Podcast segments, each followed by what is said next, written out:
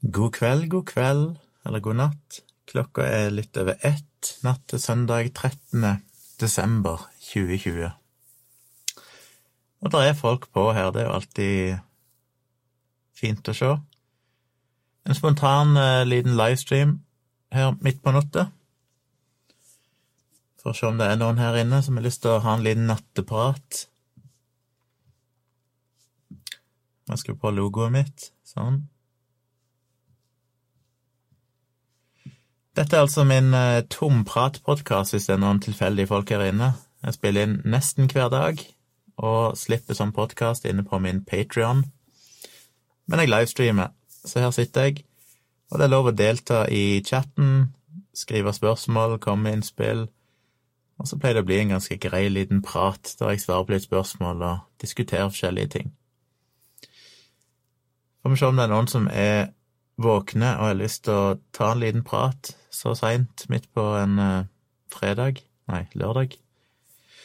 Teknisk sett søndag. Jeg har starta seinere enn dette. Jeg husker noen av de første livestreamene jeg hadde, så starta jeg jo Ja, jeg tror seinest jeg starta i tretid eller noe sånt.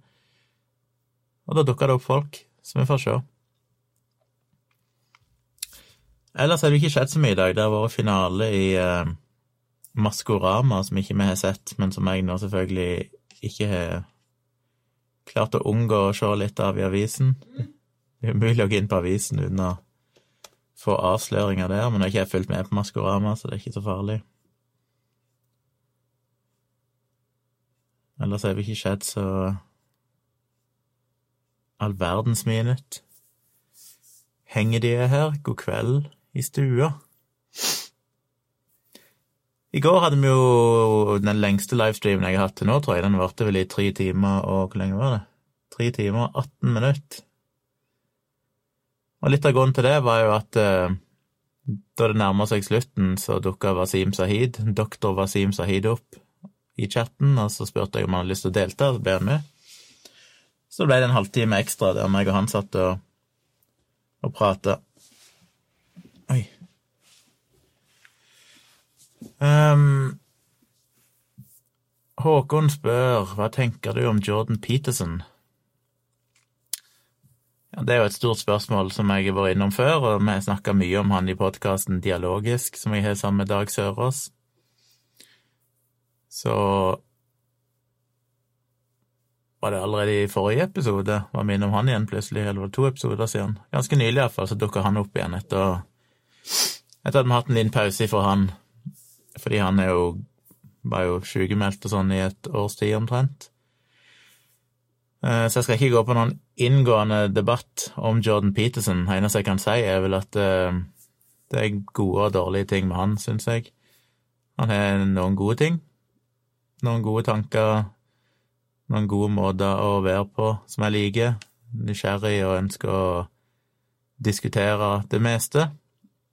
Samtidig kan han nok kanskje av og til kverulere for mye over ting. Være litt unnvikende i svarene.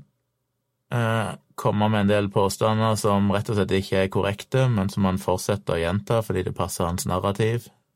Um, så jeg ser ikke på han som den mest pålitelige personen, men en interessant figur som selvfølgelig har hatt en påvirkning. Så får vi se hva som går framover med den neste boka hans.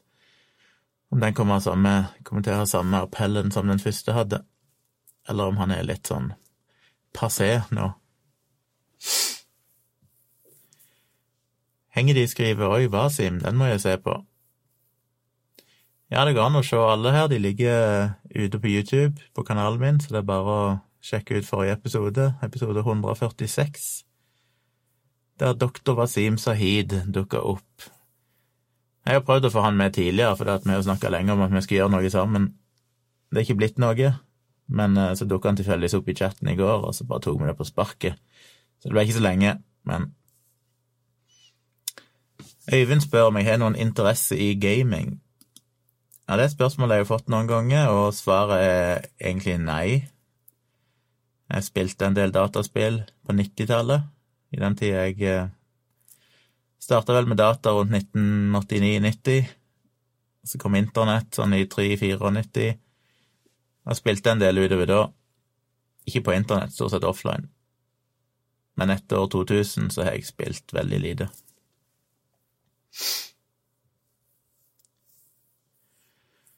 Gamle Oslo spør hva vil være den enkleste måten å finne ut av hvor mange Norges eldste som dør i snitt hvert år. Den enkleste måten Jeg er ikke en racer i sånn matematikk. Det finnes sikkert en genial måte å gjøre det på.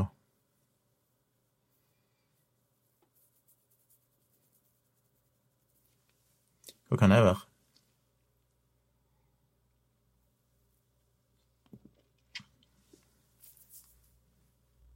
Det er sikkert en eller annen Det er nok noen som har en eller annen formel for det. En eller annen ganske åpenbar måte å regne det ut på som ikke jeg klarer å komme på, for jeg er ikke smart nok på det mattefeltet. Hvis du har et svar, Gamle Oslo, så må du gjerne dele det. Jeg vet ikke om det var et uh, lurespørsmål, eller om det faktisk er noe du lurer på.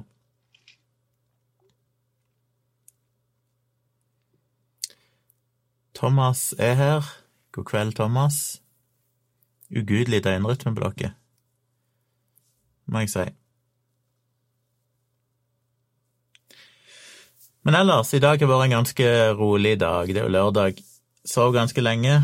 Kom jeg seint i seng i går, for etter jeg hadde livestreama, så ble jeg sittende og se på YouTube i et par timer. Jeg ble litt hekta på Av og til så finner jeg noen reaction-videoer som jeg bare må se mer av, når det er musikk jeg liker. Uh, I går var det igjen, som jeg har gjort mange ganger før, men så var det kommet noen nye. Det var reactions til en sang som heter Lingus av Snarky Puppy som er helt insane. En ti minutter lang instrumental jazzsang, eller jazzlåt, som det alltid er gøy å se folk reacte på, for det, det, er jo ingen som reacter på den sangen uten å bli helt mindblown. Bare sånn shit, dette her er jo helt insane. Så det er noe av det gøyeste jeg vet, å se folk som, spesielt folk som ikke vet noen ting om Snarky Puppy fra før, de bare blir tipsa om at de skal sjekke ut Snarky Puppy, og se reaksjonen. Så jeg ble jo litt hekta på det, jeg ble sittende og se på det. Så jeg sov litt lenge i dag. Uh, sto opp, og så begynte jeg å tenke på en idé som alltid er farlig å snakke om i tilfelle jeg ikke kan gjennomføre det, men jeg har jo hatt denne YouTube-kanalen nå i snart to år, og har ikke fått gjort all verdens på den. Jeg lagde noen videoer og begynte å livestreame en del, men jeg har liksom hele tida egentlig leid etter hva det egentlig jeg vil gjøre med den YouTube-kanalen, og hvordan skal jeg utnytte dette her best mulig.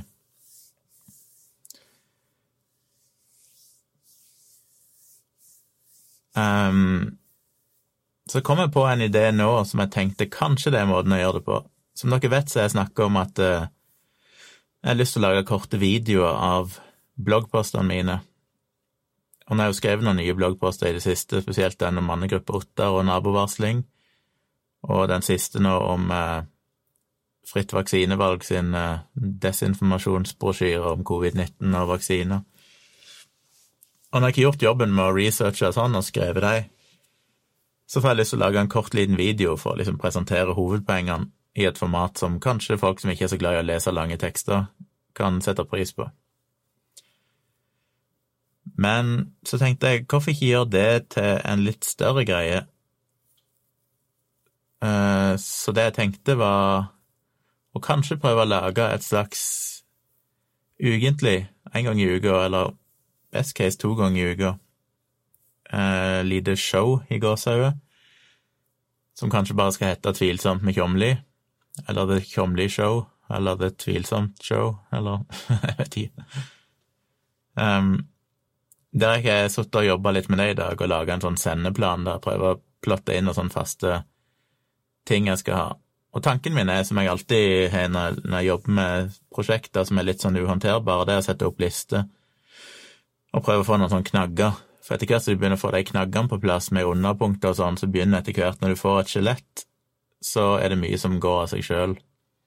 Da er det mye mer For hvis du står og tenker du skal fylle 20 minutter eller en halvtime eller en time, kanskje, hvis det er en, et eller annet, så kan det virke litt sånn eh, litt eh, stort, men hvis du setter opp noen sånne punkter, og har kanskje 10-15 forskjellige faste ting du skal innom, eh, som kan være alltid for bare bitte små ting som tar 30 sekunder, til litt lengre ting, så får du dette skjelettet som du hver gang bare kan plugge inn eh, et nytt tema i eller en ny ting i, og så har du mye av innholdet på plass. Så Hei, Terje, jeg starta nettopp, ja. Bare noen minutter siden. Amund sier at Snarky Puppy er helt sjef. Det blir jeg glad for å høre.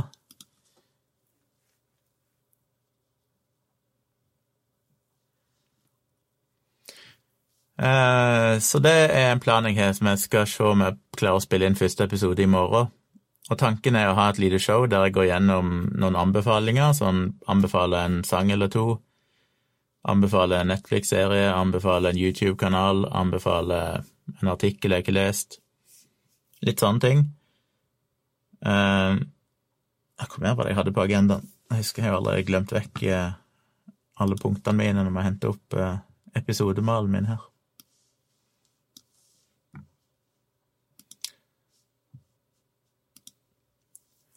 Ja, låteanbefalinger. Tenkte ukens fun fact. Jeg syns det er en del sånne gøye vitenskapelige ting som jeg ofte har tenkt at jeg har lyst til å lage en video om, men så vet jeg ikke helt hvordan jeg skal angripe det.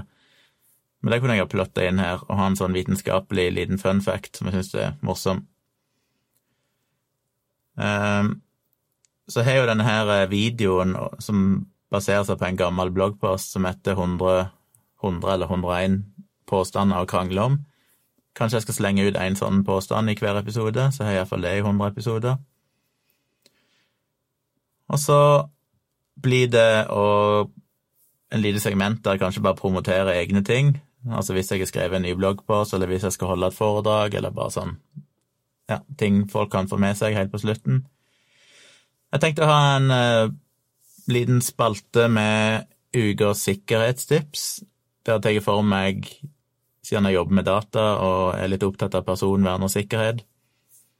uh, ikke gå veldig i detalj, men gi inn en sånn lite tips hver gang som kan være nyttig, snakke litt om et eller annet tema. Tilsvarende med Tech Talk, at jeg har en liten segment der jeg snakker om en eller annen gadget, et eller annet jeg har, eller et eller annet jeg ønsker jeg hadde. Jeg har jo en del utstyr her inne, så jeg tenker det kan være litt gøy å bare prate bitte grann om. Og så tenker jeg å ha en spalte med ukens logiske tankefeil der jeg tar for meg én ny tankefeil hver gang. Jeg vet at han Vikram, som ofte er her inne og ser på, han har etterlyst det. Og det kan være nyttig å bare gå gjennom en tankefeil med navnet og minne på hva, hva den handler om, og gi et eksempel på hvorfor dette er en tanke, logisk tankefeil. Og så blir hoveddelen blir en, eh, et segment som er ukens tema, og der tenker jeg å bruke litt mer tid på å snakke om en eller annen bloggpost eller et eller annet ting jeg snakka mye om, eller noe som interesserer meg. Så heller enn å lage en egen video, for eksempel, om mannegruppa Ottar og nabovarsling, så tenkte jeg å kunne ha det som ukens tema i en av disse episodene av showet mitt. Så det blir, eh, holdt å si, løst eh, basert på noe lignende sånn Last Week Tonight med John Oliver, og et eller annet sånt, bare sannsynligvis uten å være så morsomt men der du har en del småting, men har et hovedsegment er liksom den store tingen jeg snakker om hver gang. Og hvor lenge de episodene vil vare, det vet jeg ikke, det må jeg bare teste ut. Og det er ikke sikkert alle tingene er med hver gang. Men jeg vil prøve å, å ha Å ikke føle press på at det må være for omstendelig, men at ved å ha mange ting, så kan jeg være litt mer overfladisk på hver ting men pirre interessen og, og snakke litt om ting, og så kan folk eventuelt spørre mer om det på livestream eller et eller annet sånt hvis de mer, vil ha mer detaljer om ting. Så det er egentlig det jeg jobber litt med i dag, og jeg håper jo det kan bli noe. For jeg tenker at eh, hvis jeg prøver å få lagt det ut eh, hver søndag eller et eller annet sånt, en ny episode, så håper jeg at det kan bli noe folk har lyst til å se på. Så har jeg òg omstrukturert eh, uh, patronen min bitte grann i dag. Det trer i kraft fra 1. januar. Og der har jeg gjort det sånn at eh, nå får Jeg skal bare hente fram oversikten her, så jeg finner det. Nå får uh, har jeg flytta samboerprat, som tidligere var Samboerprat var tidligere noe som lå på blodfan-nivået, som er det som koster ti dollar i måneden, eller ti euro. Nei, ja, i måneden, ja. Det har flytta ned til støttemedlem, som koster fem euro i måneden, sånn at enda flere kan få med seg samboerprat som jeg og Tone har hver uke. I morgen så kommer det, altså på søndag, teknisk sett seinere i dag. Så kommer det klokka ni, for vi tenkte at vi skulle prøve å utsette det en time seinere for å se om det er et litt bedre tidspunkt for folk. Vi pleide å kjøre det klokka åtte. Men hvis du er inne på patronen min, eller Tone sin, så kan du se samboerprat på det laveste nivået for fem, fem euro i måneden. I tillegg så får du jo podkastversjonen av denne livestreamen hvis du er støttemedlem. Eh, du får òg eh, Discord-tilgang og så får du litt sånn ekstra ting som rabattkoder på bildene mine, eller bøker i framtida, eller kanskje liveshow, et eller annet sånt. Det får vi se når koronaen har, har roa seg litt igjen. Og så har jeg gjort en annen endring, at tidligere så fikk du mine foredrag og lydbøker på det laveste nivået, men de har jeg istedenfor flytta opp på blodfan-nivået. Så hvis du vil se mine foredrag og eh, lydbøker, så må du opp og være blodfan, som koster ti euro i måneden. Og det er jo ikke noe bindingstid på dette, så teknisk sett kan du være blodfan i en måned eller to, og så kan du nedgradere igjen når du har sett innholdet. Men jeg har jo planer om å komme med mer innhold på blodfan-nivå, flere foredrag og sånn etter hvert, så Så der får du litt mer, og det føles nok litt mer riktig at de tingene som faktisk koster meg en del mer ressurser å lage, sånn som foredrag og lydbøker, at de òg krever at du er ett nivå høyere. I tillegg til at du får alt det andre som støttemedlemmer får. Og så har du det øverste nivået, der har jeg ikke gjort noen endringer, det er det som jeg kaller for VIP-medlem. Og Da får du alt det jeg har nevnt nå, altså samboerprat, du får denne podkasten, du får Discord-tilgang, du får rabattkode osv., du får foredragene mine, du får lydbøker. Men i tillegg så får du i ny og ne shoutout, altså en takk, i videoene mine. Det får du hvis du er VIP-medlem. Eh, da får du navnet ditt med i videoen. Og så sender jeg en gratis, gratis valgfri bok når du joiner som, som VIP-medlem. Så det har jeg endra litt på. Så de som bare vil på en måte følge og støtte meg, og kanskje få med seg samboerprat og denne podkasten, de kan være støttemedlemmer. De som vil ha litt mer eh, substans og vil ha foredrag og sånn, de må opp på, og lydbøkene mine, de må opp og bli blodfans. Og vil du ha shoutout og i tillegg få tilsendt ei bok med en personlig hilsen og signatur, så må du være VIP-medlem. Og så går det jo an og signe opp for et helt år om gangen. Og hvis du gjør det, så får du to måneder rabatt. Så hvis du signer opp som eksempel støttemedlem i et år, så får du altså rabatt, så det betyr at du betaler egentlig bare for ti måneder. Du får to måneder gratis. Og det kan du gjøre hvis du allerede er Patron, så kan du gå inn på kontoen din og så kan du endre det til et årlig abonnement hvis du ønsker det. Og det er det jo noen som har gjort, og det syns jeg er kult.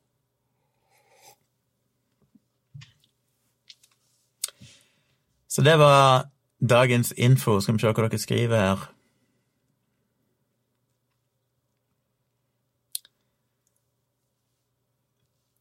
Roy skriver hei igjen, du er flink til å streame, måtte gå rett før Wasim kom på i går, men så det i dag. Ville spørre ham om damp igjen, han la først ut en positiv video, så hoppet han på USA-mediaen. Jeg har faktisk ikke sett de damp-videoene hans, men jeg husker at han eh, la ut en video, og så vet jeg at det kom noen i kommentarfeltet eller sånn på Facebook og sånn og begynte å skrive. Så mener jeg jeg fikk med meg at han måtte lage en ny en. Nå ble jeg litt nysgjerrig på deg, jeg må se på deg, se om jeg er enig med han.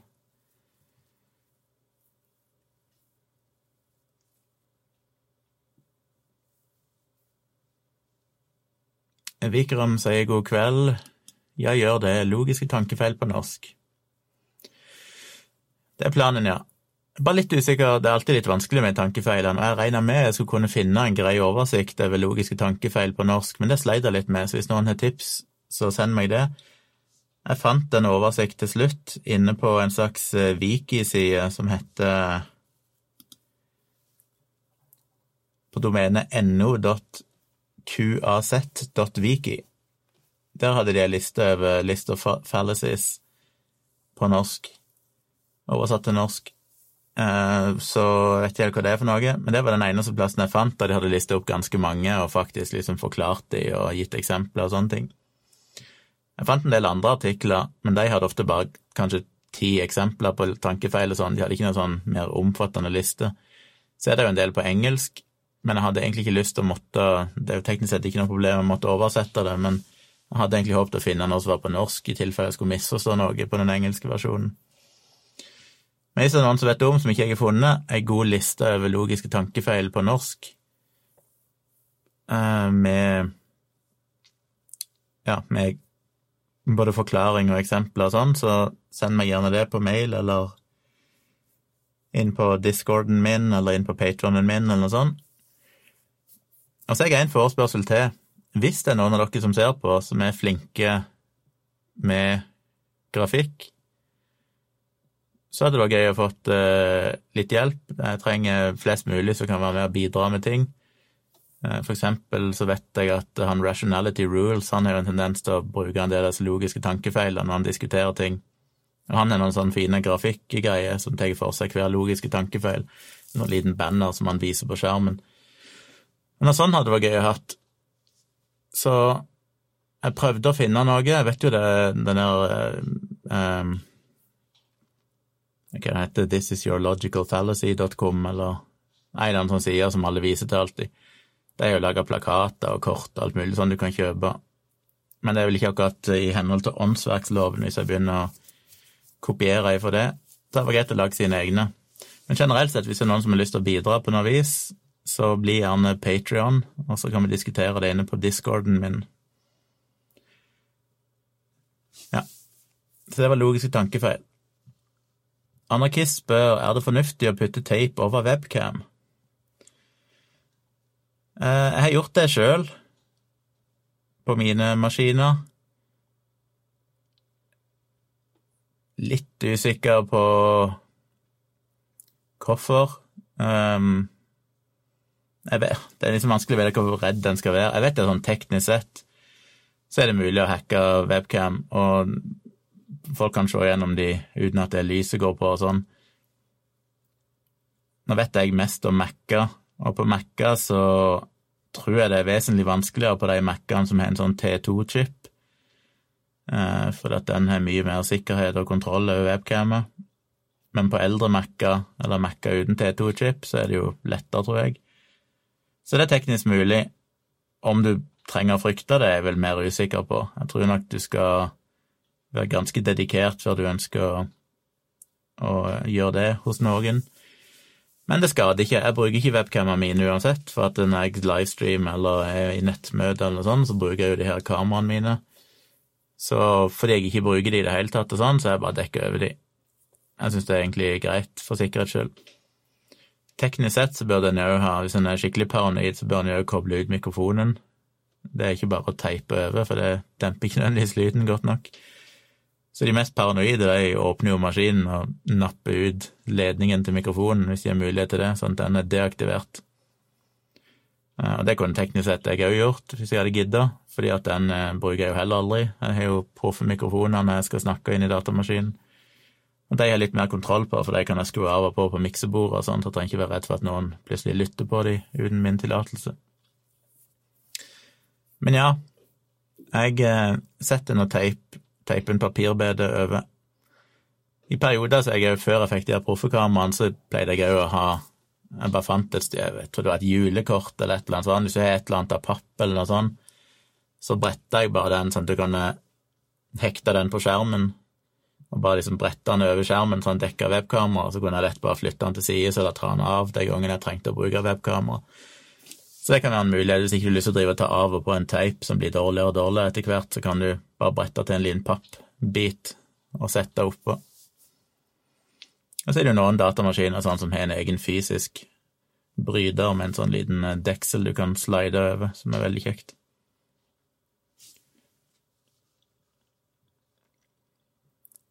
Øyvind skriver jeg har generelt litt nøye for at Apple, Google og Facebook lagrer og overvåker dataen min. Jeg vet dette kan være irrasjonelt, men har du noen tanker rundt dette?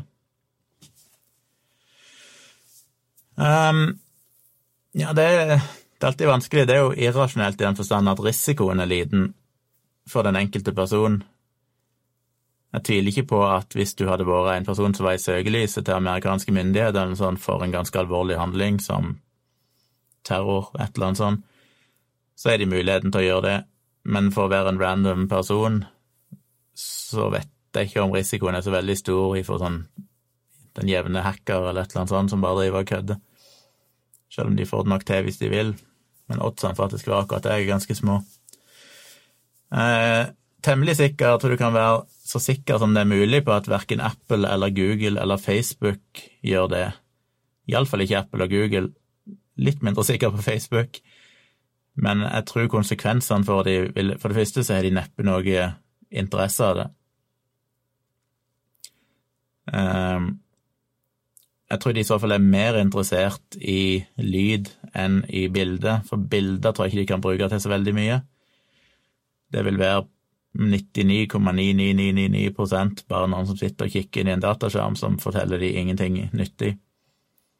Lyd er derimot kanskje mer interessant, for hvis du kan høre hva folk snakker om i rommet og sånn, eh, og du kan bruke Eh, speech to text, holdt jeg på å si, altså en eller annen sånn AI eller et eller annet til å tolke det du sier, som jo ikke er så vanskelig nå til dags, så kan en bruke det til å servere reklame eller bygge en profil på deg om interessene dine. Hvis du hører at du snakker om et eller annet i julegaver, så kan det kanskje brukes til å gi deg korrekt reklame etterpå.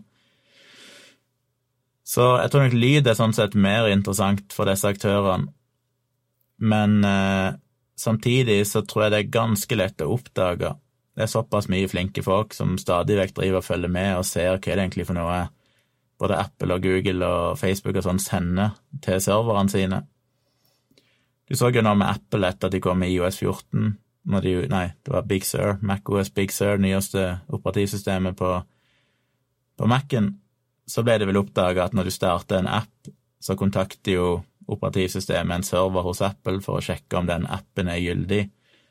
Og det har de vel gjort lenge men det var vel, jeg fikk ikke helt med meg detaljene, men det var vel et eller annet med at de sendte noe greier ukryptert, eller et eller annet sånn, som Apple da ble kritisert for, og som de lovte at de skulle fikse opp i.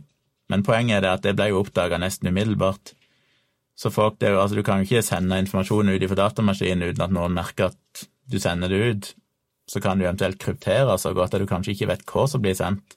Men da vil jo røde flagget gå opp for en del, når de begynner å se at det går ja, skal du f.eks. overføre bilder eller tekst og sånn, så vil det være ganske betydelig med data som noen vil oppdage. Så jeg er ganske sikker på at hvis noen av dem hadde gjort det, så hadde det blitt fanga opp temmelig fort, og de vil få svi for det, både fra myndighetenes side, for det er ikke lovlig, men òg rent sånn PR-messig og, og, eh, økonomisk, fordi at folk vil miste tilliten til produktene deres. Derimot så kan de lage mye data selvfølgelig om hvordan du surfer og sånn, eh, bruken din på internett videre. Der vil jeg jo si at Apple er, så vidt jeg vet, ser ut til å være temmelig trygge, for de har ikke noen markeds... Altså deres businessmodell handler ikke om å selge eh, annonsører og sånne ting, de selger jo hardware. Softwaren deres er jo stort sett gratis, så det er jo på en måte å selge deg datamaskin og iPhone og sånn de er interessert i. Mens for Google og Facebook derimot, så er jo hele businessmodellen deres er jo reklame. Det er jo det de lever av, nesten 100 um, Så de har jo stor interesse av å spore deg og finne ut hva du faktisk driver med, for hvis ikke, så taper de penger. Uh, så må man jo bare være forsiktig, da, og bruke forskjellige metoder for å prøve å minimalisere det.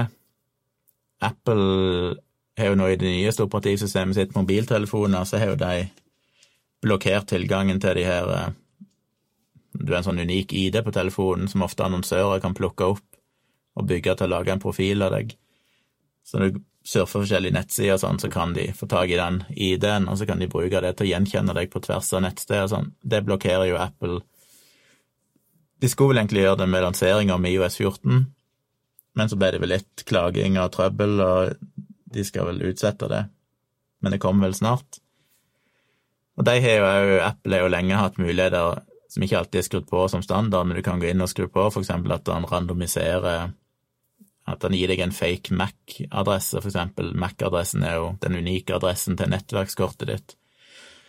Sånn at hvis du går i en by så kan teknisk sett alle de wifi-ene som er i en by, hver gang mobilen oppdager at det er trådløst nett i nærheten, så vil det utveksle noe kommunikasjon med det, og da plukker de opp denne MAC-adressen. Og hvis det er noen som eier mange av disse trådløse nettene, eller det går gjennom et sentralt system, så kan de følge med både hvordan du beveger deg, og kanskje også få noe annen informasjon.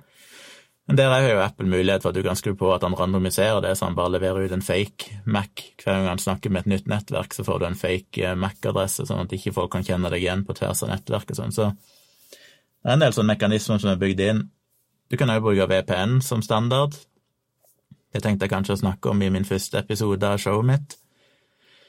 Eh, som bare gjør, at, eh, gjør, det litt vanskeligere, for da kan du surfe via en IP-adresse i et annet land, eksempel, og du har en kryptert forbindelse, sånn at ikke Telia eller Telenor eller den du måtte ha nett ifra, kan sitte og følge med på ja, hva du surfer på, hvilke nettsider, og bygge en profil av deg om interessene dine og sånn der. Ikke at jeg tror de egentlig gjør det, men da har de iallfall ikke muligheten til det. Det finnes enklere løsninger, sånn som å laste ned appen 1.1.1.1 som er en app ifra Cloudflare.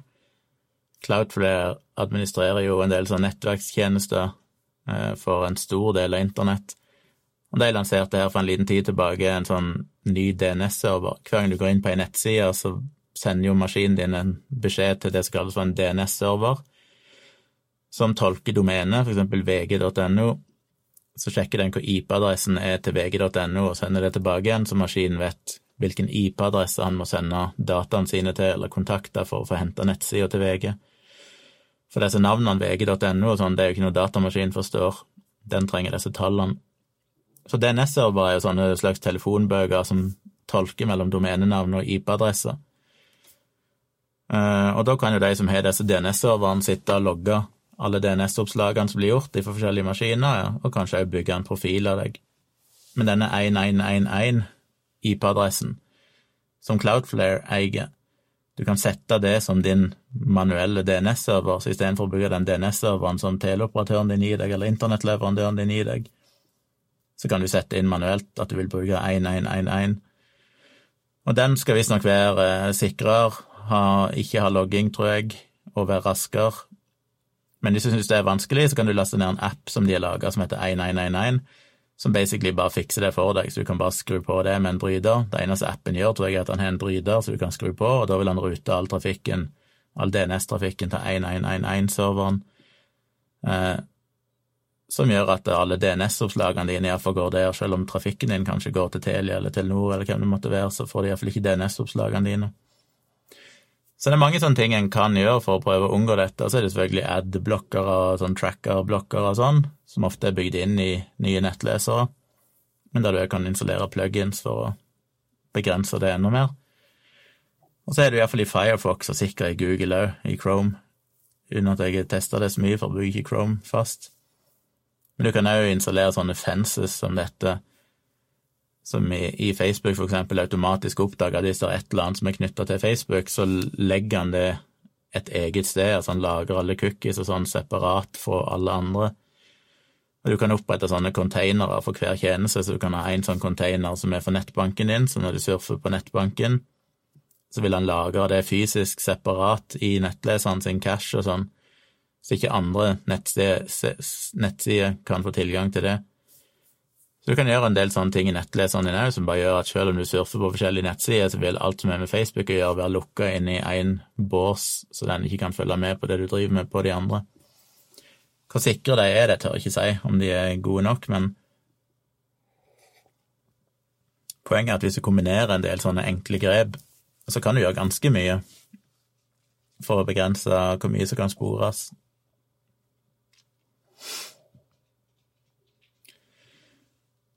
Terje skriver til min innledende informasjon om dette nye showet mitt, så sier han høres bra ut, dette G, men høres ut som litt jobb uansett. Vi får prøve å få skaffet deg noe mer patrions. Ja, tenk om jeg kunne levd av det, det hadde jo vært gøy. Kunne lage et sånt show fast, og hatt nok patrons og kanskje reklame og sånt, at jeg kan gjøre noe av det. Skal kanskje litt til, for det blir kanskje litt nerdete og smalt, men uh, hvis jeg får flere Patrion, så gjør det iallfall mye lettere for meg å kunne bruke tid på det.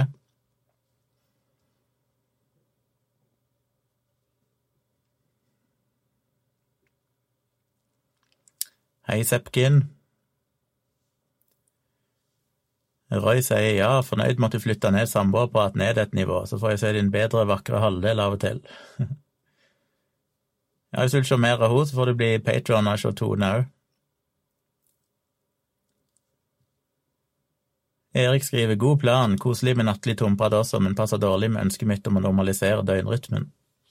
Ja, beklager det. Det er jo helg nå. Må tåle litt, litt uh, utskeielse. Roy sier at normal døgnrytme er å legge seg i sekstida og stå oppe i 17-tida. Det gjorde jeg jo da jeg var yngre, da fant jeg på sånne ting, i mine tenårsdager, og tidlig 20-årene, kanskje. Men jeg er ikke så ekstrem lenger.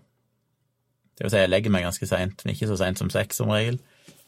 Men så stender jeg allikevel opp på formiddagen.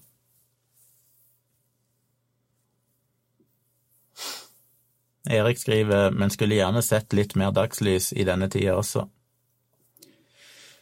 Ja, det er ikke mye en ser til dagslys lenger, men nå er det jo bare ei uke til, åtte dager til, så snur sola, for å bruke et folkelig uttrykk. Erik sier at logiske tankefeil på norsk tror jeg står i Skepsisboka fra 2012-2013. Og den har jeg jo i hylla her, den må jeg sjekke ut.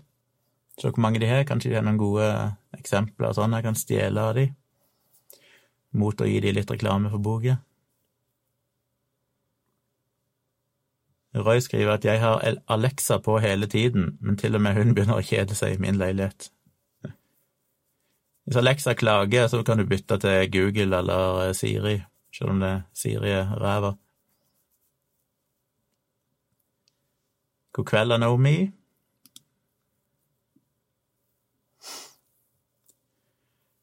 Anomi svarer på det jeg antar gjelder enten webcam eller det med Apple og Google og sånn. Skriver han tror i bunn og grunn at det ikke er så fryktelig farlig per i dag, men personvern handler mer om prinsippet for meg. Ultrasonic cross-device tracking syns jeg er skummel, for det er det foreløpig enda vanskeligere å få med seg og forebygge uten å fjerne alt av mikrofoner fra alle enheter. Ja, altså Hvis folk virkelig vil avlytte deg, så klarer de det. Eh, hvis ikke dere har hørt den episoden, så vil jeg jo virkelig anbefale den. Det er en episode av Dialogisk der vi hadde Truls Birkeland som gjest. Eh, han kjenner jeg opprinnelig som lydtekniker, han kom fra Flekkefjord, og jeg har kjent han i mange, mange, mange år ikke sånn kjente han godt, men jeg visste hvem han var, og vi prata sammen noen ganger og sånn. Eh, men så de siste årene så han begynte å jobbe for Kripos. Han ble jo regna som en av Norges fremste lydteknikere, og delvis òg vel vært litt produsent og sånn for band.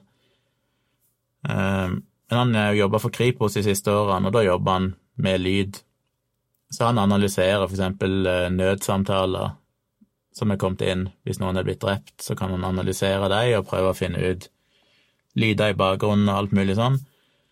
Og det er jo så mange metoder han snakker om der òg som er skummelt. Alt ifra at du kan basically klare å plukke opp et passord hvis du kan avlytte tastaturet, for eksempel, bare ha lyden av det. Og lyden av tastaturet kan du jo høre òg ved å være langt ut forbi huset, med å eksempel sende en laserstråle på vinduet ditt, så vil laserstråler plukke opp vibrasjonene i lufta som forplanter seg gjennom vindusruter, og omsette det til lyd så de kan høre det. Men eh, mest fancy greiene syns jeg jo er hvordan de kan drive sånn forensics på lydopptak, for det at hele Jeg husker ikke om det er hele Europa, eller om det er hele Nord-Europa. Det er iallfall hele Europa er vel delt inn i to eller tre, eller et eller annet sånn nett, eh, elektriske nettverk. Og hver av dem har sin egen unike signatur, altså den frekvensen som går I Norge har vi jo 50 hertz på strømnettet. Men det kan være mikroskopiske avvik ifra det, og det er det noen som har som jobb, holdt opp, så er det noen som sitter og logger kontinuerlig og har gjort det i mange, mange, mange år. Eh, og det kan du òg finne igjen i lydopptak, så hvis noen har et lydopptak, så kan du analysere det, altså plukke ut denne ørlille frekvensen som, som kommer gjennom strømnettet, og så kan du sammenligne det med den totale historikken de har, og så kan du finne ut nøyaktig hvilket tidspunkt dette ble spilt inn på, og du vil også kunne sjekke om noen har manipulert et lydopptak, og hvis de har klippet i dette lydopptaket, så vil du merke at det ikke lenger stemmer overens med denne frekvensfingeravtrykket. som var på det tidspunktet. Så sånne ting det er dypt fascinerende. Det er så mange metoder de kan bruke etter hvert. Jeg leser stadig vekk om nye metoder de finner for å klare å, å lese ut ting fra datamaskiner. Eh, jeg leser ikke nå at du kunne gjøre det via å bare analysere strømbruken til datamaskinen, eller sånne små endringer i hvor mye strøm man trekker, så kan du tolke informasjon som skjer på det. Altså, det er helt absurd. Og hvis folk virkelig vil, så klarer de det. Så når for eksempel Edward Snowden i den dokumentaren om han eh, har en totalt sånn lufttett, så de kaller det vel airtight, eh, datamaskin, altså en som ikke er kobla til nettet på noen måte, han er helt offline, men at han i tillegg setter seg under et teppe når han skal skrive inn passord og sånn, så virker jo det helt crazy paranoid når han sitter alene inne på et rom. Men han vet jo det at det er så mange metoder folk kan finne ut. Han plugger ut telefonen på hotellrommet og alle sånne ting, for han vet at noen kan aktivere mikrofonen i telefonen hvis de vil. Så hvis du er paranoid og noen virkelig vil ta deg, så må du selvfølgelig gå til sånne skritt. Men for den jevne forbruker så er det jo mer de enkle, normale grepene, og de tenker jeg jo da å komme litt innom i løpet av denne serien min, regner jeg med. God kveld, Tore Arne.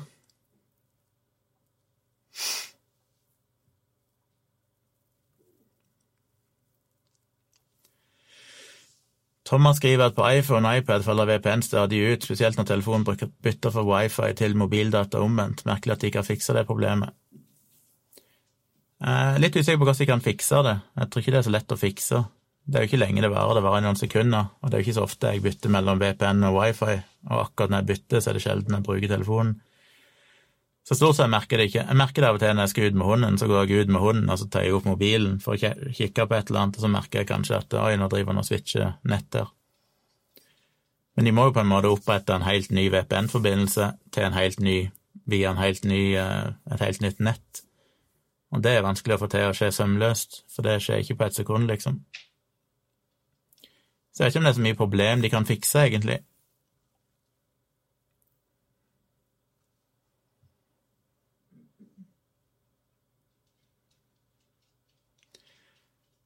Men at det faller ut, har jeg aldri opplevd. Jeg vi snakket om tidligere, jeg bruker ExpressVPN, og det er den stabilt på min iPhone. Det er kun når jeg bytter mellom 4G og wifi, og da tror jeg det er vanskelig Det er mulig du kan gjøre det ørlite kjappere enn det de gjør på ExpressVPN, men jeg klarer ikke å se at de skal kunne eliminere behovet for at du må bytte.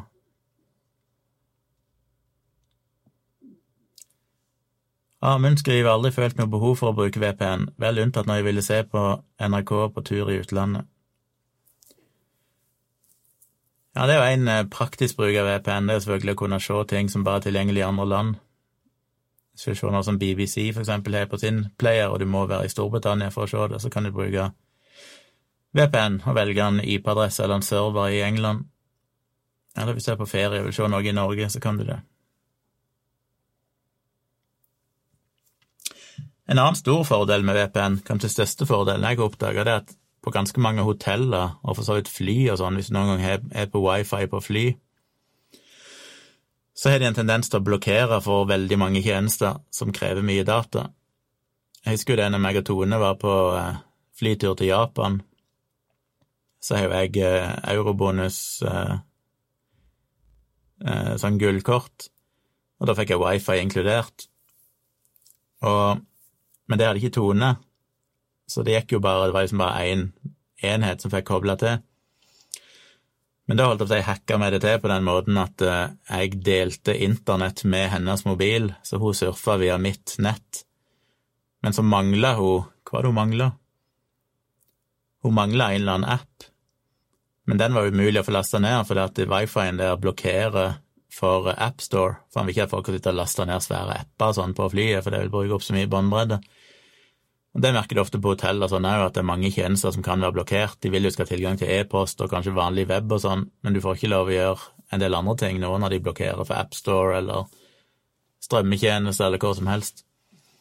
Og Da hacka vi det til sånn på flyet òg, at jeg bare kobler opp VPN over wifi-en på flyet, som gjorde at vi kunne aksessere hvilke server vi ville, for når du går over VPN, så klarer ikke de lenger å se hvilken IP-adresse du prøver å kontakte, eller hvilken type tjeneste det er og kan ikke blokkere for det. Så VPN er veldig fin sånn hvis du er på et eller annet nett som er begrensa på et eller annet vis, så kan du fyre opp VPN, og så er du tilgang til alt.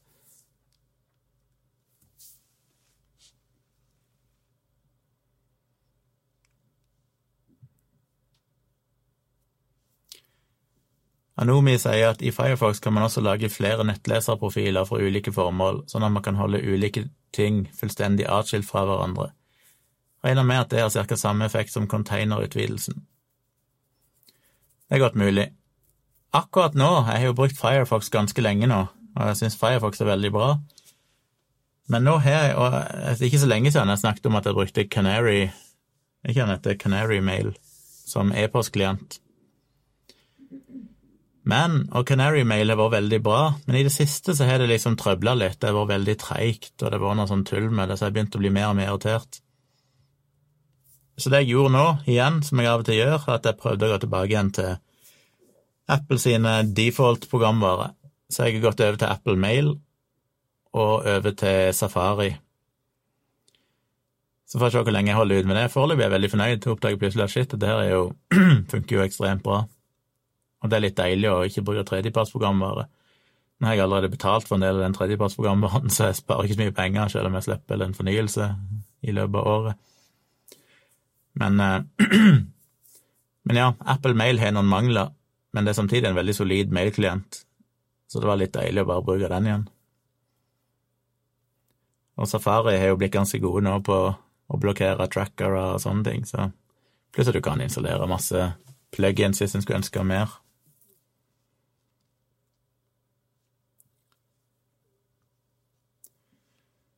Thomas skriver at jeg setter alltid opp en RAM-disk på PC, modder registeret og stiller i nettleser så mest mulig av temp-filer og cookies havner der, reduserer også slitasjen på SSD-en. Og det hadde jeg glemt vekk. Jeg tror jeg òg gjorde det i gamle dager av og til. Fyrte opp en RAM-disk, satte opp en RAM-disk til å opprettes når du bytter maskinen, og så Det gjør jo ting eh, kjapt òg, iallfall i gamle dager. Så merker du en del forskjell. Merker kanskje ikke så mye forskjell lenger når en har SSD-er. Slitasje på SSD-en er jo teknisk sett riktig, men allikevel. Levetid på en SSD Du skal skrive temmelig mye på de før du eh, vil ha noe problem med den slitasjen, tror jeg, i løpet av normal brukstid.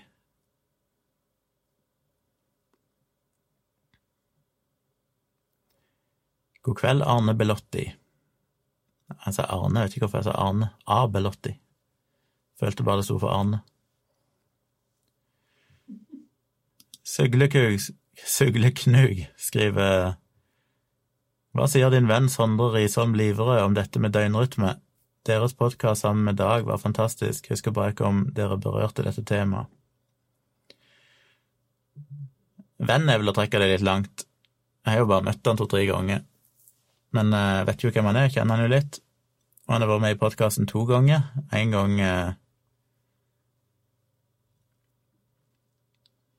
En gang var jo liveshow i Kragerø på Filosofifestivalen, da han gikk gjennom en sånn Big Five-test med meg og Dag. Men hva var den andre gangen? Han var med en gang til, er han ikke det?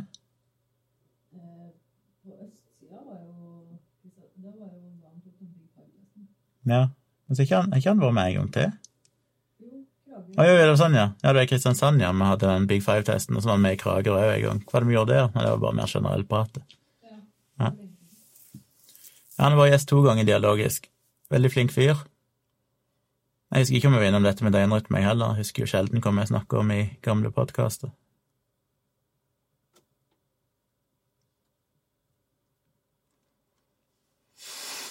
Roy sier at hm, du sa sola skulle snu, minte meg på noe jeg hørte i går om Jupiter, noen planeter skulle stå i en spesiell bane som skjer hvert 800 år bare. Ja, Det så jeg òg noe om. Da kalte de selvfølgelig at eh, nå kunne du se julestjerner, og det hadde ikke vært mulig på 800 år. Og det er vel det de antar var liksom julestjerner som disse tre vise mennene så og fulgte etter. Men jeg leste aldri artikkelen, så vet jeg aldri egentlig ut hva det handler om. Det kan godt være at det er en kombinasjon av Jupiter og noen planeter. God kveld, Maria, du er jo oppe på denne tida. KL skriver Var Inger Cecilie Grønnerød, IC, din favoritt på Farmen? Hvis nei, hvorfor ikke? Fordi jeg ikke så Farmen, så jeg vet ikke hvem hun er engang. Har aldri hørt navnet.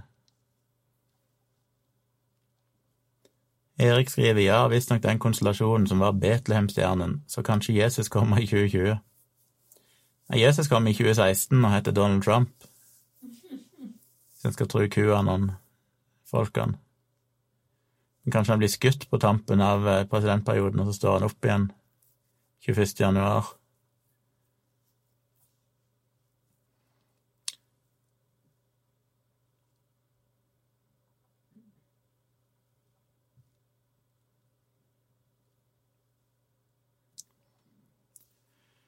Roy har googla, så han skriver Two of the biggest planets in our solar system, Jupiter and Saturn, will be reunited for the first time in 800 years on the longest night of the year in 2020. The winter solstice, solstice, solstice, set to occur, occur on December 21st, will see these two planets align for the first time.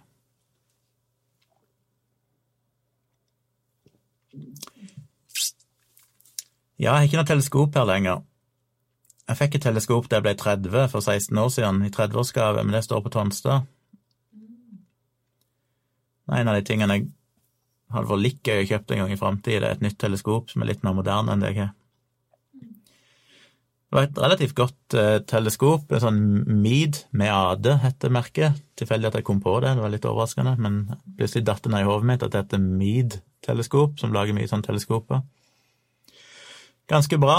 En sånn eh, ganske langt, eh, tjukt et. Jeg husker jeg brukte det jo litt, og fikk sett Mars og Jupiter, og du kan liksom se Jupiter med den røde flekken, og du kan se ringene på Saturn og alt mulig sånn. Som er en helt fantastisk opplevelse. Det er få opplevelser jeg har hatt noen gang som er så mind-blowing som å se liksom Saturn i virkeligheten med ringene.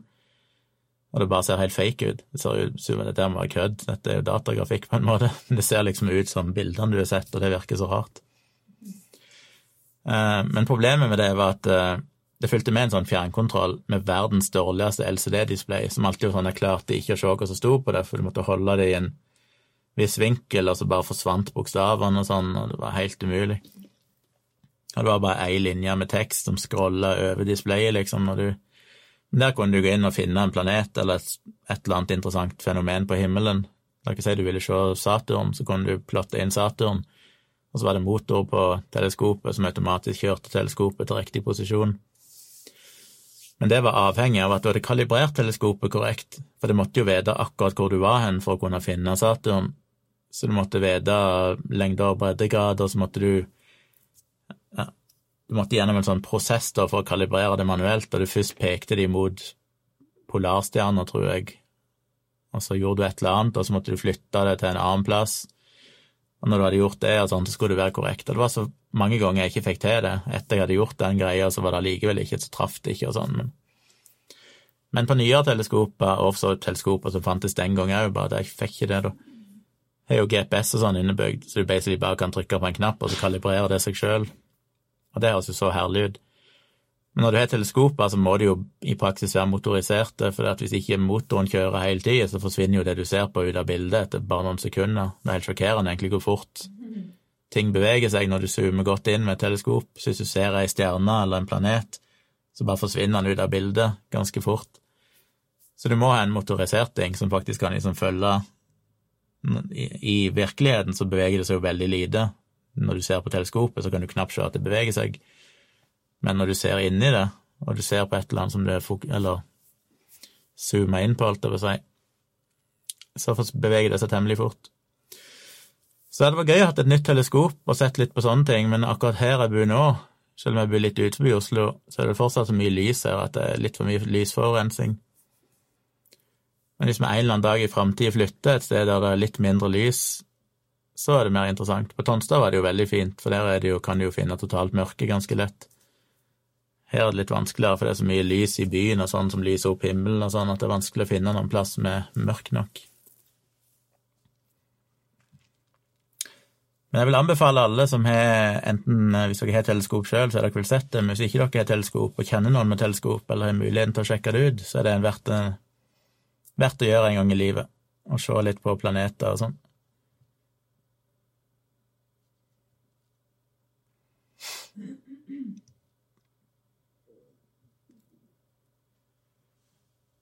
Joakim spør hei, Gunnar. Har du fulgt med på ME-debatten i det siste? Noen tanker rundt at NTNU og FHI stiller seg bak forskningsprosjektet til Live Landmark på Lightning Process? Jeg hadde en liten plan om å lage en video om det, for jeg ble litt engasjert i det tidligere i sommer her, når dette her eh, ble debattert litt mer. Jeg har jo, som mange vet, skrevet en del om Lightning Process og sånn tidligere. Krangla mye med Live Landmark. Eh, og jeg er nok òg skeptisk og litt skuffa over at FHI stiller seg bak det forskningsprosjektet må ta forbehold om at jeg ikke satte meg 100% godt nok inn i det, men jeg har lest litt om det, og jeg har lest en del av kritikken som er skrevet om det, og jeg føler jo at til syvende og sist så blir vel dette at det blir litt sånn studier på akupunktur, det er det eneste du ender opp med å finne ut av, det er at det gir en placeboeffekt, og det er sånn, ja, det vet vi allerede. Vi trenger ikke en ny studie for å fortelle dere det. Eh, også sånn som jeg kjenner Live Landmark, så vet jeg òg at eh, jeg syns det er problematisk at hun er involvert i forskningsprosjektet på noen slags måte, fordi hun er en mester i å eh, vrenge på informasjon og ikke helt for, Altså, jeg har diskutert så mye med henne, og hun har ikke en sånn funn... Det er litt som å diskutere med 5G-aktivister, selv om livet er selvfølgelig vesentlig mer rett skrudd sammen enn de er, eh, og i prinsippet er rasjonell og og oppegående, men hun har en litt for lemfeldig omgang med forskning. Hun kan finne ting som støtter opp om hennes syn, og ikke skjønne svakhetene i de studiene hun viser til av og til. Og kan av og til legge veldig mye vekt på studier som ikke er kontrollert i det hele tatt og sånn. Og, og er veldig flink til å Hun er jo primært en, en eh, PR-person. Hun er ekstremt flink til å bli kjent med de rette folkene og bruke mye energi på internett til å spre informasjon som veldig mange ikke er oppegående nok til å skjønne, ikke nødvendigvis er så tydelig og klar som det hun vil ha det til.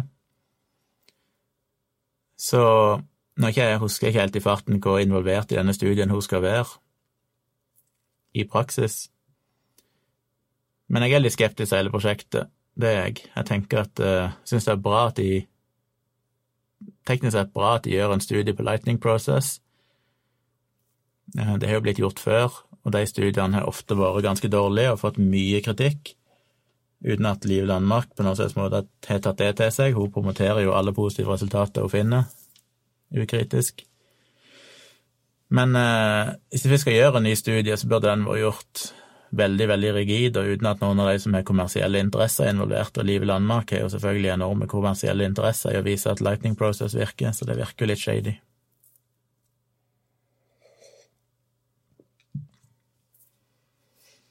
Og ME-debatten er vanskelig, for dette er jo mye Den er veldig polarisert. Og det er en del av de eh, debattantene som er ganske utrivelige på begge sider av saken. Som er litt synd, for dette er en del av de anti-lightning process-folkene som er ekstremt flinke, og som har Jeg husker ikke navnet, det er en blogg jeg vet jeg har lest en del i. Jeg tror det er ei dame som driver en blogg og det er veldig bra det som blir skrevet der, der de virkelig går inn og kritiserer forskning. En av de studiene, av de Lightning Process-studiene vel, som blant annet ble kritisert heftig i den bloggen, ble jo nylig trukket tilbake nå på grunn av en norsk studie. Ble jo slakta fullstendig, for det viser seg å være så håpløst. Håpløst eh, metode.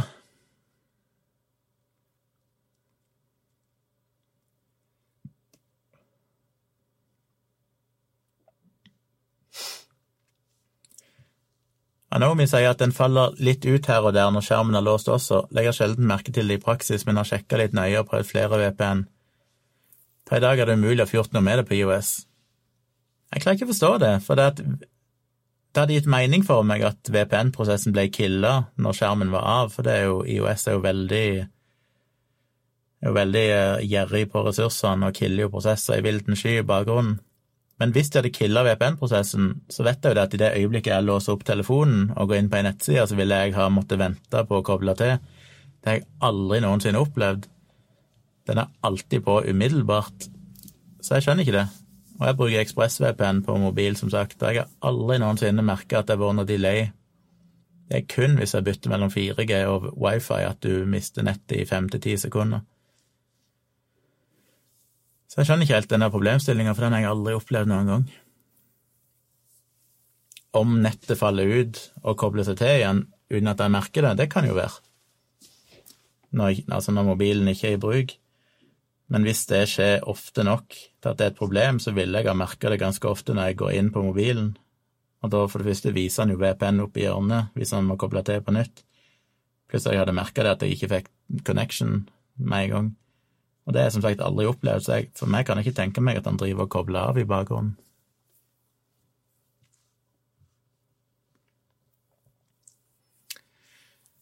Anomi sier jeg skal sjekke ut dialogisk per episoden. Er det lenge siden dere spilte den inn? Ja, det er en stund siden. Hvis Tone er snill, så gidder hun kanskje finne ut hvilken episode det var Truls Birkeland var med i. Ja.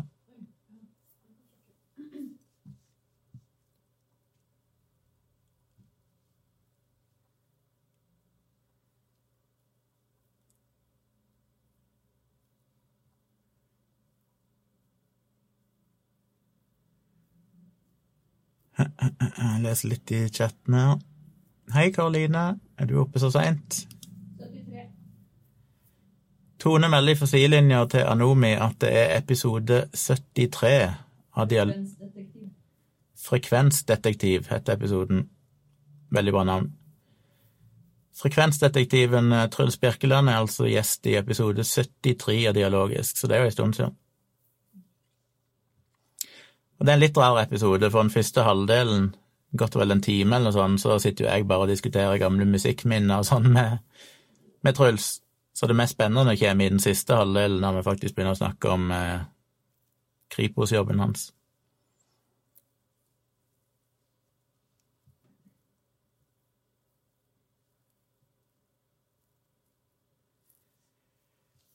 Greger Strand skriver Hei, Gunnar, tror du jeg kan henvise til bloggen din i semesteroppgaver eller masteroppgaven uten å bli slaktet av sensor?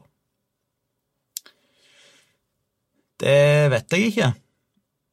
Det kommer litt an på hvordan du gjør det, for at uh, min blogg er jo ikke noen uh, kilde i seg sjøl, men jeg lenker jo videre til en del primærkilder. Så hvis du trenger å lenke til en kilde som igjen lenker til veldig mange relevante kilder, så kan du gjøre det. Men hvis du bare trenger én kilde som er viktig, så vil jeg jo heller lenke til primærkilden. Men bloggen min er jo blitt anbefalt av uh, forelesere på universitetet som til medisinstudenter sånn, som får beskjed om å lese om HPV og sånn i bloggen min, og jeg flere ganger, og nylig, nå bare for noen dager siden, så fikk jeg en melding fra ei som var lege, som sa at de brukte min bloggpost om LDN eh, i arbeidet sitt. Når det kom inn pasienter sånn og ville ha LDN, så brukte de delte de bloggposten min blant legene der, så de leste den og på en måte fikk et sånn kunnskapsgrunnlag for å vite hvordan de skulle håndtere det. Så sånn sett så er det jo en blogg som er blitt brukt i seriøst både på medisinutdanning og så videre. Men det er jo ikke sikkert sensor vet det, så det kan jo være at han tenker at bloggen ikke er pålitelig. Og som sagt, jeg ville bare brukt en bloggpost hvis du trenger å lenke til mange kilder som jeg allerede har lenka til, og på en måte forklart sammenhengen i, i bloggposten, men hvis du kan lenke til primærkildene, så er jo det bedre.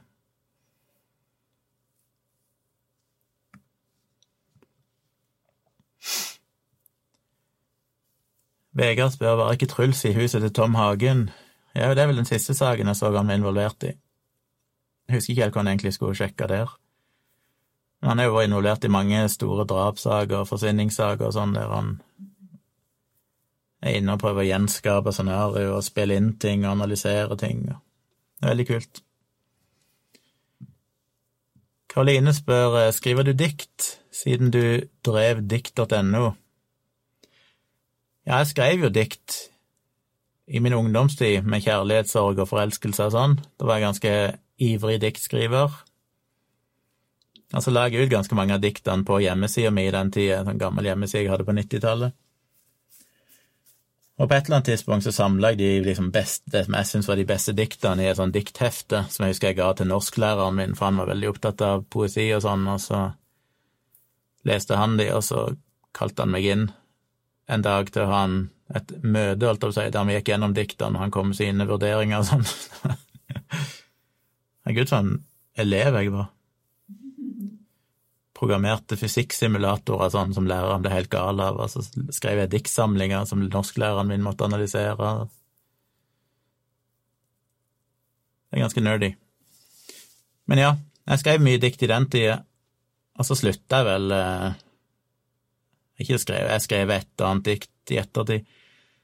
Meg og en kompis av meg hadde det som sånn Vi syns jo ofte de timene på videregående skole var litt kjedelige. Så vi hadde ofte en sånn greie at før timen begynte, eller i løpet av timen, så sendte vi en lapp til den andre der det sto et ord. Eneste jeg husker i farten, var Kvikk Lunsj. Jeg fikk det av han en gang. Eller var det jeg som sendte det til han? Jeg husker ikke. Jeg tror det var til meg, for jeg tror jeg har et dikt som inneholder Kvikk Lunsj. Og utfordringen var at i løpet av timen da, så måtte du skrive et dikt som inneholdt det ordet på en eller annen morsom måte. Så det drev meg og han med i timene og skrev dikt og sånn, og så vi ut i friminuttet, så måtte vi lese de for hverandre og så liksom vurdere om det var bra eller ikke. Så jeg skrev mye dikt før i tida, og mye sangtekster og sånn som ofte er omtrent det samme. Og så la jeg de ut på hjemmesida mi, og så starta jeg dikt.no i 2001, og da starta jo det med å legge ut mine dikt, så jeg la ut en, jeg husker ikke, 40, 50, 60, 70 dikt og sangtekster og noen få noveller jeg hadde skrevet og sånn. Så det var det aller første innholdet på dikt.no, det var mine tekster. Og så åpna vi det opp for andre, sånn at andre kunne legge inn sine. Men jeg er ikke noe aktiv på diktfronten lenger.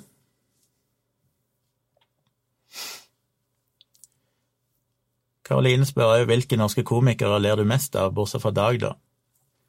Det har jeg òg blitt spurt før, og jeg er ikke så, ikke så veldig inne i komiverden i Norge. Så det er vanskelig å komme på. Jeg syns nok, skal jeg velge den morsomste komikeren i Norge, så syns jeg vel fortsatt at det er Harald Eia. Jeg tror ikke det er noen jeg har ledd så mye av som han, i alle disse forskjellige TV-programmene han har hatt og sånn. Men mer sånn ren standup, så vet jeg ikke. Jeg følger ikke så mye med, egentlig, på standup-fronten, så Jeg nevnte vel tidligere Jonas Kinge Bergland, jeg syns han er morsom. Dag er jo morsom. Men utover det så er jeg ikke så veldig oversikten.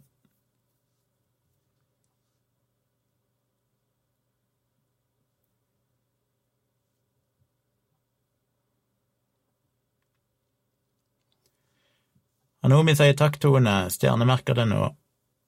Jeg kan nesten ikke få anbefalt den episoden nok, altså den er altså så fascinerende. Episode 73 av Dialogisk. Spesielt siste halvdel.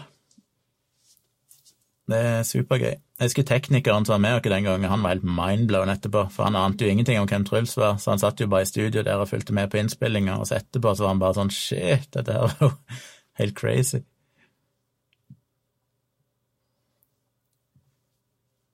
Karoline skriver jeg brukte dikt.no mye, likte den veldig godt, har skrevet en diktsamling jeg har veldig lyst til å sende til noen forlag neste år. Det er jo spennende.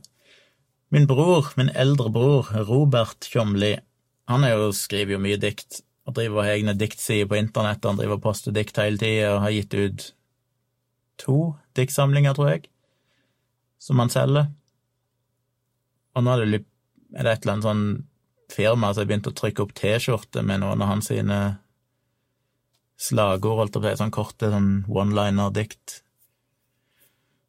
Så han er veldig aktiv på diktfronten en dag i dag. Men ja, dikt.no var veldig populær. Jeg kan ennå huske at vi lanserte Dikt.no i august 2001, etter å ha jobba en stund med det, meg og en kompis av meg som satt og programmerte tjenesten. Og så like etterpå så reiste jeg til Kenya på ferie i to uker eller noe sånt. Og da hadde jeg en sånn Nokia Communicator, vet ikke om dere husker den? Det var en sånn firkanta kloss som så ut som en bitte liten bærbar PC. Det var en mobiltelefon, så på forsida var det lite display og de vanlige tastene men du kunne åpne den opp, og så hadde du en stor skjerm inni med et lite sånn, et fullstendig tastatur, da, med sånn bitte små taster.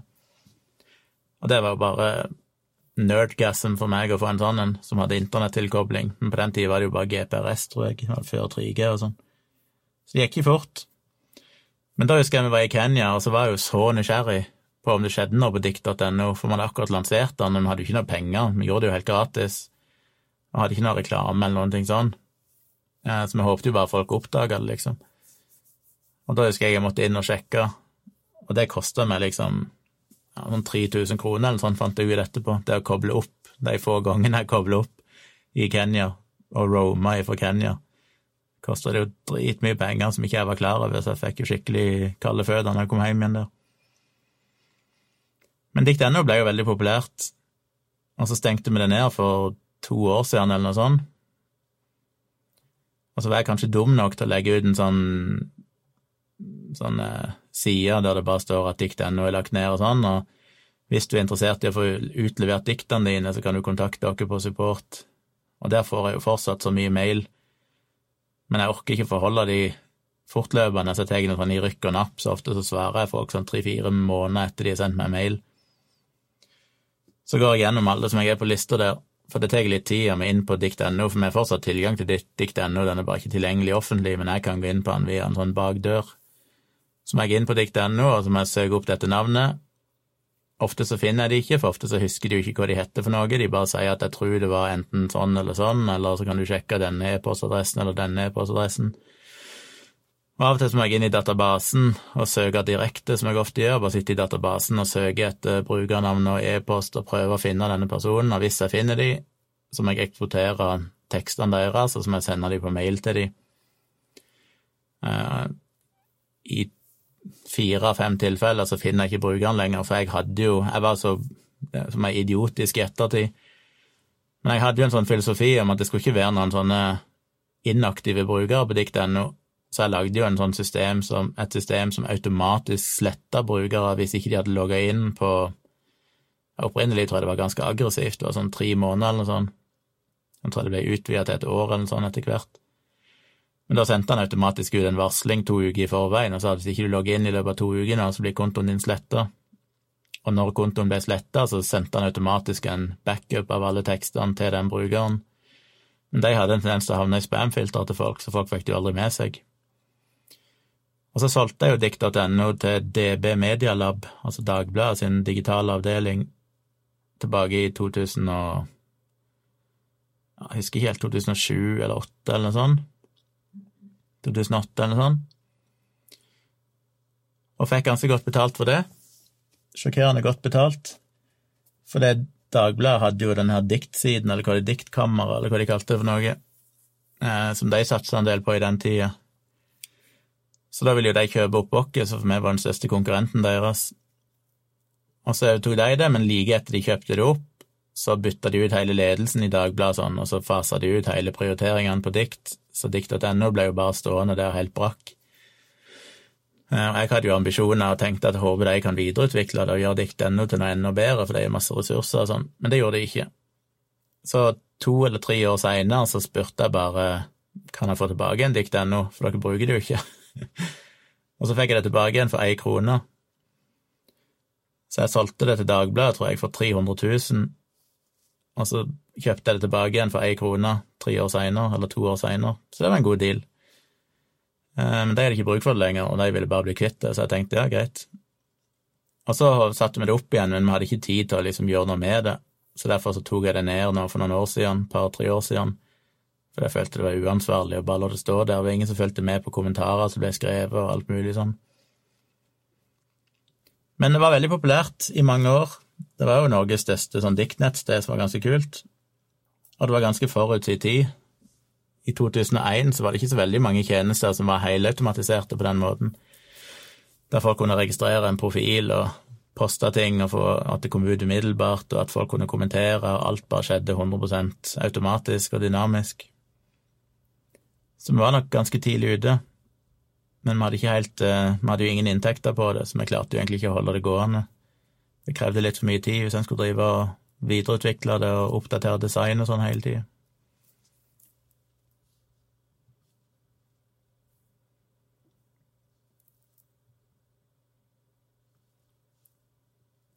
Anomi skriver at Mimir Kristiansson kunne være ganske morsom da han fortsatt drev med standup.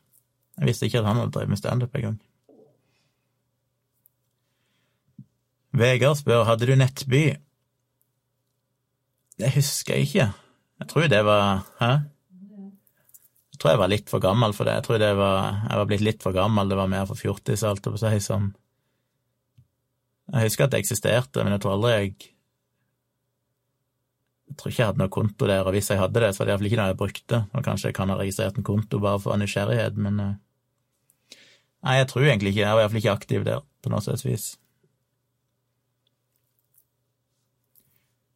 Anomi sier, og så tror jeg det var Sofie Frøysaa jeg så holde standup en gang. Hun var også veldig bra. Litt usikker på om det var hun. Jeg har ei venninne fra gode gamle dager, ei som eh, kom ifra Åseral, som er nabokommunen til Sirdal, men enda mindre enn Sirdal, der som jeg kom ifra. Hun den eneste jeg kjenner som flytta til Tonstad for å gå på Sirdal videregående skole og bo på internatet der, som syntes, som syntes det var spennende å komme til et større sted. Alle andre som kom til Tonstad, kom fra Kristiansand eller Rogaland og sånn, og hata jo Tonstad for det var så lite, og jeg syntes det var så kjedelig, og bla, bla, bla. Men hun syntes det var spennende, litt skummelt å komme til et større sted. Det er ganske imponerende. Tonstad er basically et veikryss med 500 personer, så Men hun begynte jo med standup, og var vel en del sammen med um, hun Tusvik og en del av de folkene i starten. Og var jo ganske sånn up and coming, og jeg vet ikke om hun vant vel kanskje ikke årets nykommer eller komiker eller et eller annet, men hun var iallfall nominert og sånn, og ikke, hun gjorde det ganske bra iallfall. Hæ? Eh, Linda Mahala, jeg glemte å si det. Hun heter Linda Mahala Mathiassen.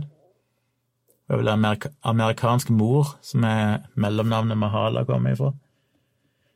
Og meg og hun er ganske mye til felles, sånn fascinerende nok, for at uh, hun har ei mor som er Eller er jo engelsk eller amerikansk, jeg husker ikke, men iallfall ei mor som er enten engelsk eller amerikansk, det har jeg òg, og en far som kommer fra bygda i Norge. Og så møttes faktisk foreldrene hennes òg i Afrika, hvis jeg ikke husker feil, som mine foreldre gjorde. Så det er helt sånn fascinerende likt, lik historie. Men jeg så henne en del ganger, både før jeg flytta til Oslo og like etter jeg flytta til Oslo, så var hun fortsatt aktiv. Og så etter hvert ble hun jo Hun drev mye med sånn eh, skjult teater, som de kaller det, at de ble booka inn på julebord og sånne ting, og så ut som vanlige gjester eller servitører eller et eller annet sånt, og så plutselig så spilte de ut en eller annen scene som fikk alle til å bli sjokkert, at de begynte å krangle eller begynte å knuse ting eller whatever, vet jeg. Som de etterpå folk skjønte at å ja, det var bare skuespill, liksom. Det drev hun med en del.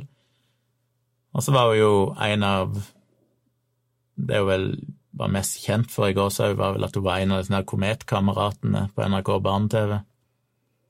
Hun styrte en av disse dokkene til Kometkameratene i, i lang tid.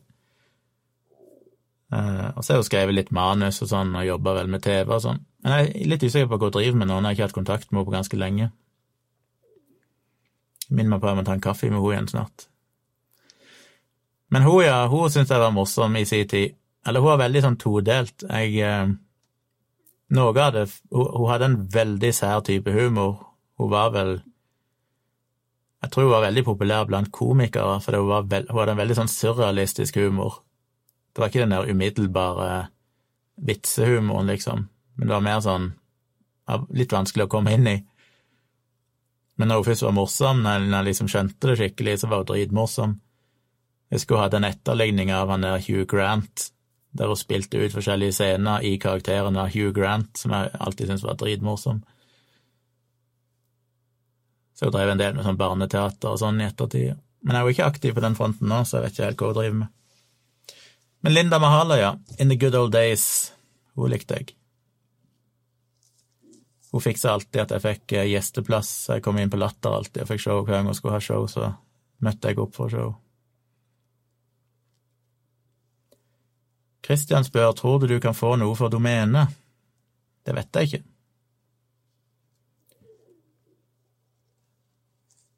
Vi har jo diverse domener. Det beste domenet jeg har, syns jeg, er dos.no. dos.no. Og det bruker vi vel ikke til noen ting i dag. Men da jeg starta firmaet tilbake i 1999 så heter mitt opprinnelige firma heter Sirkon. Sir for at det var Sirdal, og Con for at det kunne være connection, um, consulting, alt mulig slags Con-greier. Så vi kalte det for Sirkon. Men så la jeg ned det selskapet i 2008, og solgte ut det meste av innmaten i det, og så starta vi opp på nytt med det som i dag heter Thin AS. Og navnet Thin valgte vi utelukkende fordi at vi måtte ha et eller annet kort, og så måtte det være et eller annet domene vi allerede hadde, for det var ingen andre korte domener tilgjengelig lenger, alt var jo brukt opp. Men vi hadde tilfeldigvis thin.no, og så hadde vi dos.no, som var de mest aktuelle. Og lenge så hadde jeg lyst til å kalle firmaet for et eller annet med DOS, og prøve å finne at det skulle bety ja, jeg husker ikke, men hadde noen ideer om hva det kunne være forkortelse for, annet enn Disk Operating System. Eh, men det endte opp med Thin, da. Men vi har DOS.no, og det var en periode jeg brukte DOS.no og bare videre. Jeg brukte vel det til å levere noen mailadresser, jeg hadde noen familie og sånn som ønska mailadresser. Og så oppretta jeg dem på dos.no, for det er en veldig kort og enkel e-postadresse å ha. Eh, men hvis du gikk inn på det domenet med nettleseren, altså selve HTTP-tjenesten, så hadde det ikke noe innhold. Og da satte jeg opp, husker jeg, sånn at når du gikk inn på dos.no, så hadde jeg laga en GIF-animasjon der du fikk eh, opp et sånt terminalvindu med MS-DOS, med all teksten og sånn som kommer når du logger inn, holdt jeg på å si, og så C kolon eh, slash, altså pil, og så sto det redirecting, og så sto det og blinka en sånn prikk eller en sånn cursor. Så sto den sånn i fem-ti sekunder, og så redirecta han deg til hjemmesida vår eller et eller annet sånt. Jeg tror den ble fjerna, jeg må kanskje sette, sette, den opp på nytt, for den var egentlig såpass kul. Men DOS har vi aldri fått noe bud på, og Thin har vi aldri fått noe bud på, og eh, Dikt.no har jeg aldri fått noe bud på, tror jeg. Så vidt jeg husker. Eller har jeg fått bud på dikt? Det er mulig jeg har det. Ja, hvis jeg først skal selge det, så skal jeg ha ganske mye penger for det. Ellers vil jeg bare beholde det, for det er såpass kort og relevant. Anomi har dobbeltsjekka og fant ut at det var Sofie Frøysaa. Hun har Tourettes og lagde veldig mye bra humor ut av det og psykisk helse generelt. Karoline skriver Sofie er super, jeg og henne drev en felles nettside da vi var yngre, der folk kunne sende inn historier fra livet sitt, og så delte vi dem.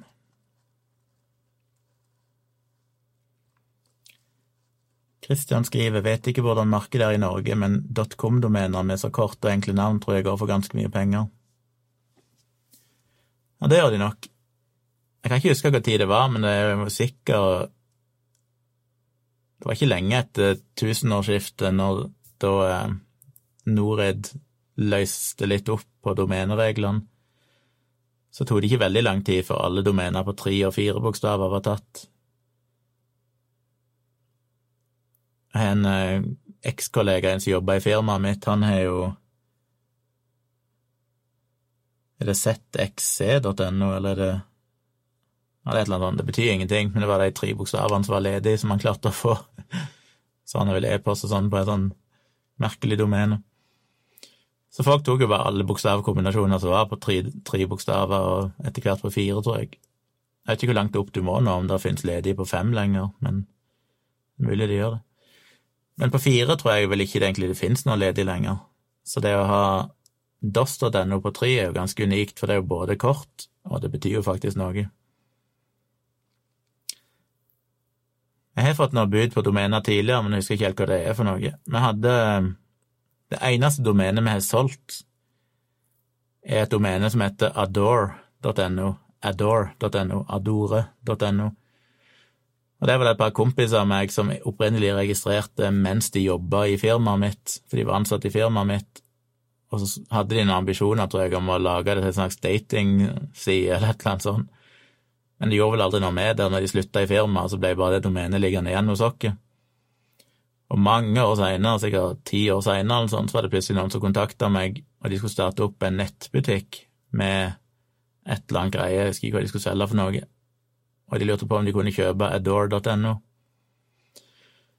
Og det tror jeg vi solgte for 5000 kroner eller noe sånt, for det var sånn ah, Det er neppe et domene som er veldig attraktivt for folk flest, og vi har ikke noe bruk for det, så ja. Og så tror jeg vi har bodybuilder.no av en eller annen grunn. Det har vi faktisk aldri fått noe forespørsel om, tror jeg, som er nesten litt rart. Skulle nesten tro det var noen som er interessert i å ha bodybuilder.no. Og så har vi òg domene, hvis ikke vi har sagt det opp, men vi hadde iallfall domenet far, farscape.no. som ble bestilt av en fyr, og vi registrerte domenet, for vi fikk en bestilling på det, en kompis av meg.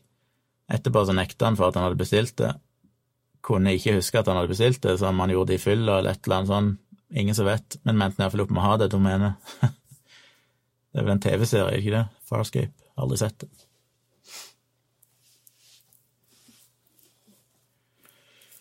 Men jeg er åpen for bud. Men sånn som DOS.no skal jeg ha ganske mye penger for å selge. Hvis ikke kan jeg alltid bruke det til noe sjøl, eller bare ha det.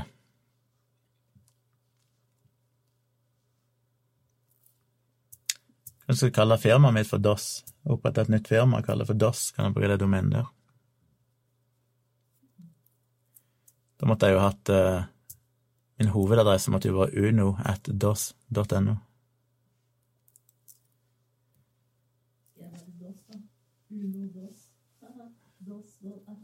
Ellers må det jo selvfølgelig være ms1dos.no.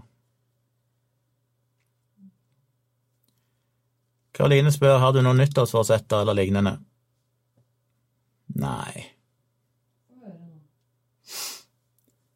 Det er bare de samme forsettene jeg er året rundt, og det er jo å prøve å skjerpe meg på mange områder.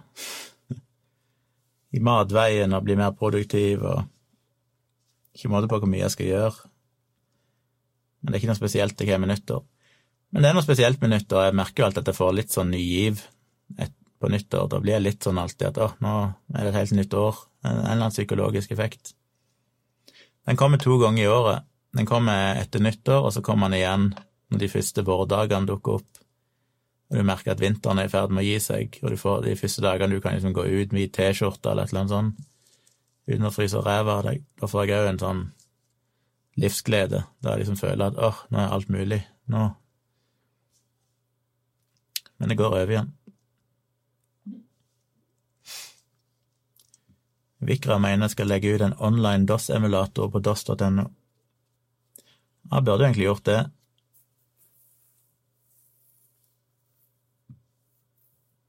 Det fins jo folk som har laga det i javascript eller noe sånt, du kan bare smukke opp.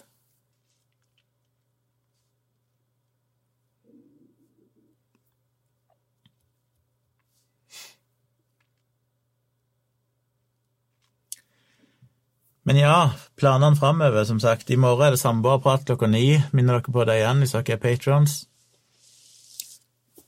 Jeg håper jeg skal klare å spille inn showet mitt i morgen. Det hadde vært jækla kult. Jeg tenker meg jo at det er et show som må komme ut på søndag kveld eller mandag, eller sånn, hvis jeg skal gjøre det ukentlig, for det er jo egentlig bare helgene jeg har mulighet til å gjøre noe med det.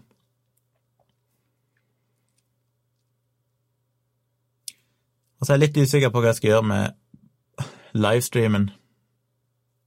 Jeg kommer til å fortsette med den inntil videre.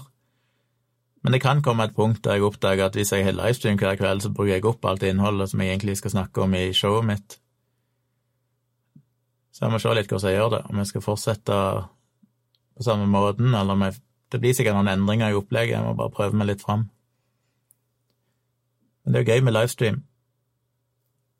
Bjørnar spør favorittakevitt. Det er ingen. Jeg drikker ikke akevitt. Har aldri smakt en akevitt jeg tror jeg liker.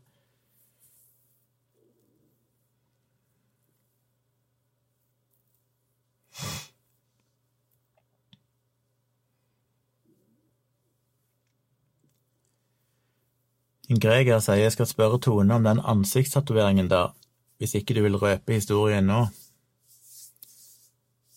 Jeg får spare det til samboerapparatet, så det det du mente, så får du svare sjøl. Jeg vet ikke hvilken historie du, du mener. Får komme i samboerapparatet og spørre. Karoline sier jeg har ikke hengt helt med, hvilket show skal du ha? Jeg snakka litt om det i starten, at jeg har en idé som kanskje er det jeg alltid har vært på jakt etter, for hvordan jeg skal bruke denne YouTube-kanalen. Og det at jeg tenker jeg skal prøve å lage et slags ukentlig show Show høres ambisiøst ut, men eh, en ukentlig video der jeg bare har en del sånn faste spalter jeg går gjennom, og kan bruke det som en plass der jeg kan snakke om forskjellige saker. Det skal være en kombinasjon av litt innhold med logiske tankefeil og litt tech-talk og litt anbefalinger av musikk og sånne ting, og et litt sånn tema jeg snakker om hver gang, med litt mer dybde. Eh, forhåpentligvis litt humor, hvis jeg klarer å få til Det skal være litt sånn lett og underholdende, men samtidig med litt substans. Istedenfor å bare lage random videoer om forskjellige temaer, så vil jeg liksom putte det inn i dette ukentlige showet mitt heller. Som jeg tror kan være litt lavere terskel, for jeg tenker hvis jeg lager en video om eh, koronavaksine, så er det kanskje litt for spesielt interesserte. Men hvis jeg har et fast show som folk etter hvert begynner å abonnere på, der de syns det er interessante ting, så kan jeg òg putte inn andre temaer som kanskje ikke er like relevante for alle, men som folk vil se, bare fordi de syns det er gøy å se på dette, denne videoen.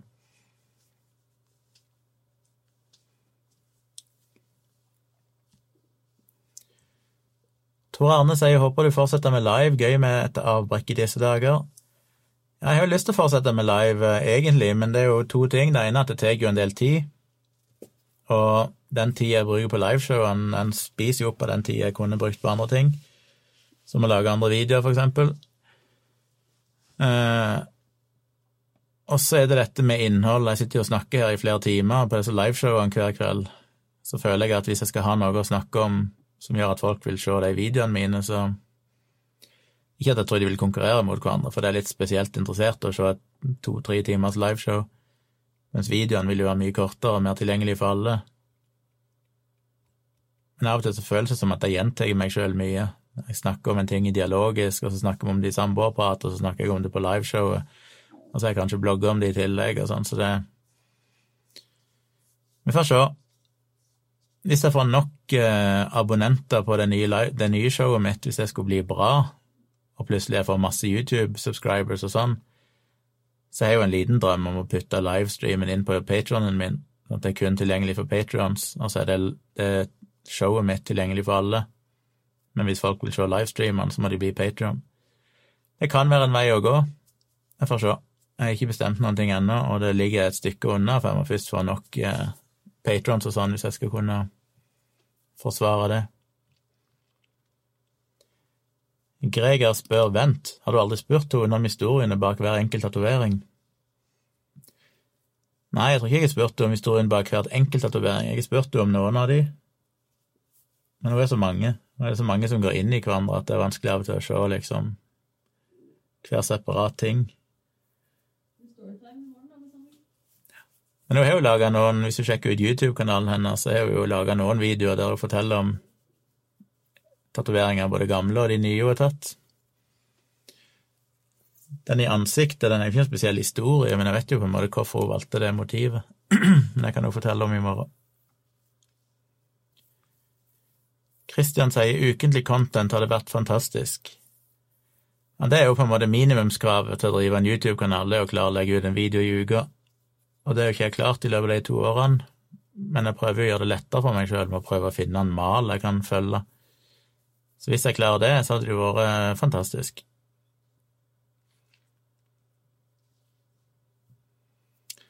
Målet mitt er jo å lage et å ha en YouTube-kanal som er lavterskel nok til at han kan bli populær, men samtidig ha, ha det som en eh, plass der jeg kan formidle god kunnskap og skeptisisme og kritisk tenking.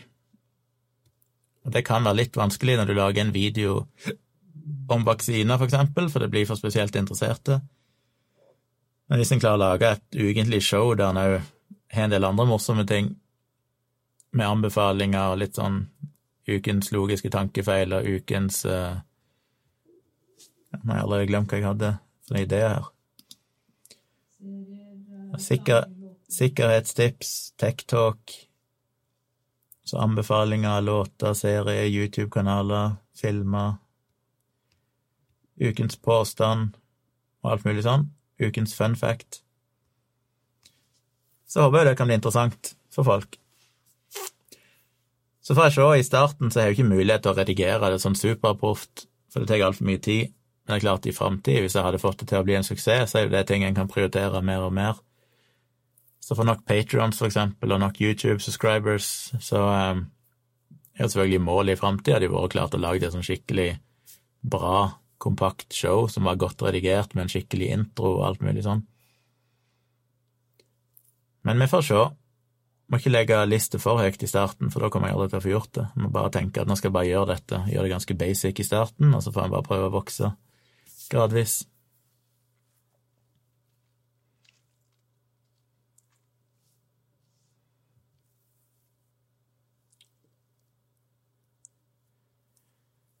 Karoline skriver det høres veldig spennende ut, tror det kan slå godt an. Forslag, ta for deg noe spennende ny forskning. Ja, jeg er åpen for de fleste ting. Jeg kommer nok til å mase en del på å få tips fra folk, og det regner jeg med jeg kommer til å få etter hvert. Eh, og jeg tror jeg må opprette en egen e-postadresse. Jeg har hatt en svakhet med at alt går til min samme e-postadresse, og da har jeg en tendens til at jeg ikke klarer helt å henge med. Så jeg må nok opprette en dedikert e-postadresse til det formålet, som folk kan sende inn tips på. Så jeg kan ha litt orden på det. Men ja, hvis noen sender meg tips om forskning og sånn, så er det absolutt noe jeg eh, kunne tenkt å gjort. Og litt av greia mi er jo det at de fleste punktene, sånn ukens anbefaling om forskjellige ting og ukens eh, logiske tankefeil og sånne ting, det er ting som jeg kan plukke ifra ei liste som allerede er klar. Det er bare å velge denne uka vil jeg ta den, og denne uka vil jeg ta den. Men det som blir hovedtema, er jo det jeg må jobbe litt mer med. Men da må jeg alltid minne meg sjøl på at jeg har jo skrevet nesten 2000 bloggposter. Og en del hundre av de er jo relevante i denne sammenhengen, så hvis jeg går tom for tema, så må jeg rett bare bla litt i bloggen min, og så om jeg finner en interessant bloggpost, så kan jeg snakke om temaet der. Det er en sånn fallback-løsning. Hvis ikke det skjedde noe nytt denne uka, eller ikke skjedde noe spesielt som jeg vil snakke om, så har jeg alltid gamle bloggposter jeg kan bruke, som er aktuelle den dag i dag.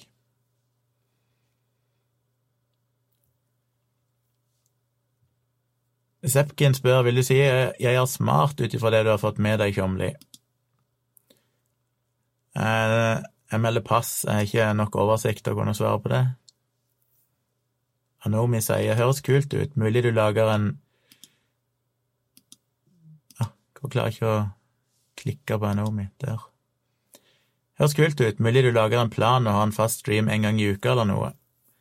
Jeg vet ikke ennå hva som gjør det med de streamene. Målet mitt er jo egentlig å putte streamen inn i Patron, sånn at folk som er patrons, får litt mer ut av det. Men det får vi se. Så får vi se hvor ofte det blir. Drømmen er jo å ha en ukentlig fast video, og så kunne ha livestream i tillegg, men det er ikke sikkert det blir hver kveld. Men at hvis du er Patron, så har jeg én livestream i uka eller sånn i tillegg til det showet. Kanskje. Christian sier det hadde kanskje vært lurt å legge tidligere livestreams inn på en egen kanal, slik at du får en renere feed for nye senere seere.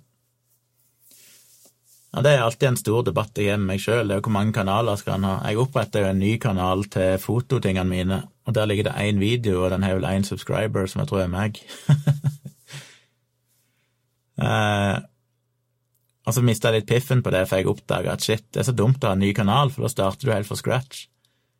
Så hvis jeg lager en video om et eller annet nytt eh, fotogreie, så er det kanskje best å ha det på tvilsomt med Tjomli, for da er det jo en del seere fra før. Samtidig så er det jo dumt å ha altfor mange forskjellige temaer på samme kanalen. Men det er så vanskelig å starte en ny kanal, for da begynner du som sagt med null subscribers, og det er vanskelig å vite Så jeg vet ikke helt hvordan jeg skal gjøre det. Det jeg derimot kommer til å gjøre nå veldig snart, eh, kanskje i dag eller i morgen, er at jeg kommer nok til nå endelig å flytte gamle livestreams inn på patronen min Sånn at det kanskje bare er de fem-ti siste eller sånn livestreamene som ligger åpent på YouTube, og så resten må du se inne på Patron.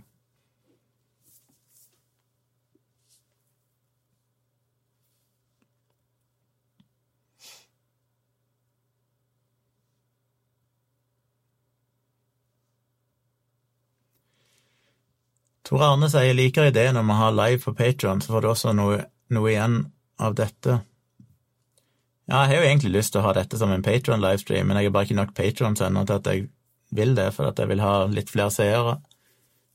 Og da er det greit å ha det åpent. Og så virker det som en slags kanal inn i Patron. Jeg har jo fått en del nye patrons etter jeg begynte å livestreame. Men på sikt, hvis jeg har en annen ting som kan fronte av Patron, eksempel en ukentlig show, så kan jeg heller flytte livestreamen inn på Patron, for da er det jo det showet som blir på en måte reklamen for patronen min. Anomi sier kan også hende det showet kommer til å få litt fart på discorden. Det har ikke vært så mye så action der ennå, det er jo min feil, for jeg har ikke klart å følge det opp helt, men det er jo selvfølgelig målet, at, at discorden kommer til å bli den plassen vi kan diskutere ting, og folk kan komme med tips og sånne ting.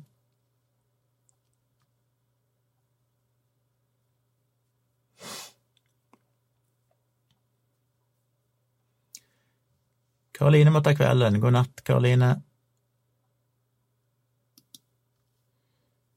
Zepkin sier 'hva med oss fans som ikke har Patron'?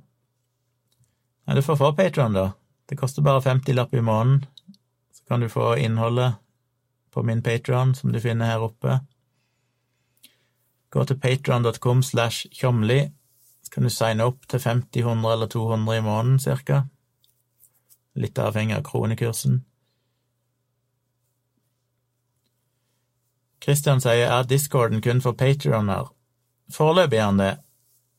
Så får vi se hva som skjer i framtida, om jeg åpner den opp til flere. Men de som er patrons, vil uansett ta få tildelt automatisk egne roller ut ifra hvilket nivå de er på Patron. Det håndteres automatisk, så hvis du signer opp som støttemedlem, så får du rollen støttemedlem inne på Discord. Foreløpig er ikke de differensiert på noe vis, men på sikt så tenker jeg at jeg kanskje kommer til å differensiere de, så jo høyere nivå du er på Patron, jo mer tilganger sånn får du inne på discorden. Men det er litt for få der ennå til at jeg gidder å stresse med sånne ting. Men i framtida så er det målet. Så får vi se hvis det blir nok gang inne på discorden, og hvis jeg starter det TV-greiene Nei, TV sier TV-showet, YouTube-showet, eh, så kan det godt være at jeg kommer til å markedsføre discorden min litt mer der, og si at folk kan At jeg eksempel ønsker å få alle tips og sånn via discord heller enn på mail et eller annet sånt, men da må jeg åpne det opp for alle. Men da kan jeg ha noen sånn fellesrom som alle kan være med i, og så kan folk som er patrons og sånn, ha tilgang til andre kanaler og litt andre rettigheter og sånn. Vi får se.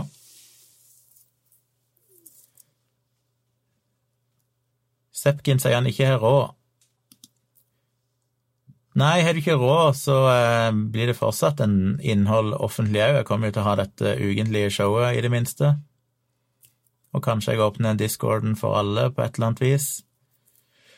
Så får jeg se med livestreams. Det kan jo være jeg gjør sånn med livestream som jeg har gjort med samboerprat, at de fleste er inne på Patron, men hver femte er åpen for alle. Som en liten teaser. Jeg har ikke bestemt meg. Det kan være jeg fortsetter å kjøre noen åpne livestreams òg. Det gjør jeg helt sikkert, men ikke så ofte som nå.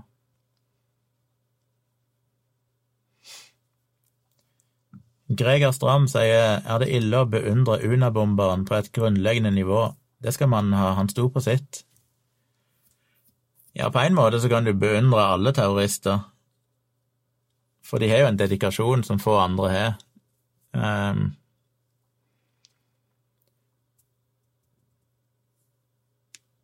det er bare synd at det er så grusomt utfall av det de gjør. Hvis de kunne brukt den dedikasjonen og engasjementet sitt til noe positivt, så hadde det vært bedre. Men Unabomberen hadde jo noen poenger vel òg i sin tid. Sånn rent politisk. Sepkin spør kan man få nybegynnerfanrabatt. Jeg vet ikke om jeg kan rabattere en 50-lapp noe særlig mer, 50 kroner i måneden. Det vet jeg ikke om jeg kan uh, gjøre så mye med. Men det fins én rabatt du kan få, det er hvis du signer opp for et helt år. Så koster det deg bare ti måneder. Så istedenfor å betale 600 kroner for et år, så betaler du bare 500 kroner for et helt år. Så sparer du en hundrelapp, så det er jo en rabatt.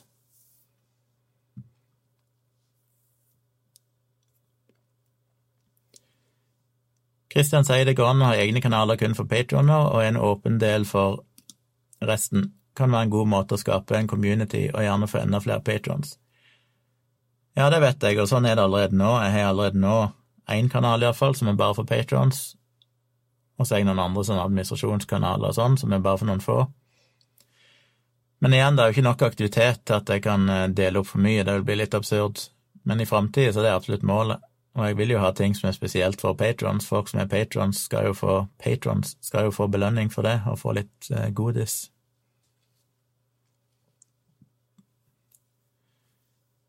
Tor Arne spør hva tenker du om hastegodkjenningen av vaksinen i USA? Jeg tror nok den er ganske solid og pålitelig.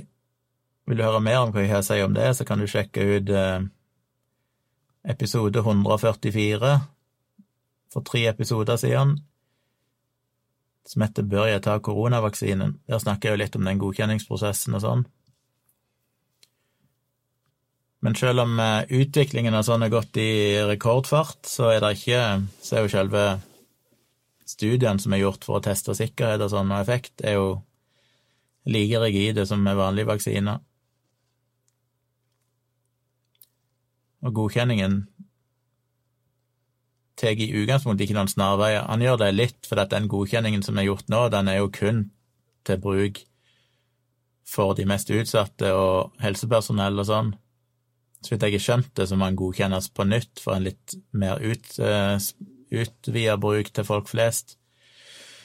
Og da vil det kanskje komme mer forbehold, for eksempel at det er kun For nå har de vel godkjent den fra 16 år og oppover, tror jeg.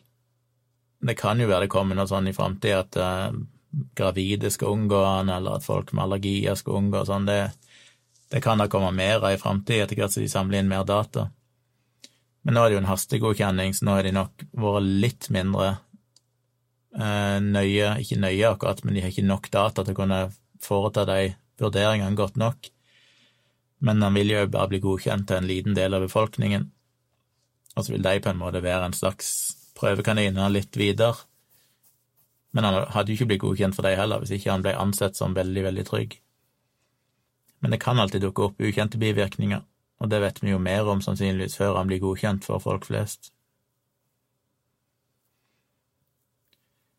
Roy sier har du tenkt noe mer på julaften, var det noe veldedig vi kunne donere til, sa du det, eller har jeg drømt det kanskje?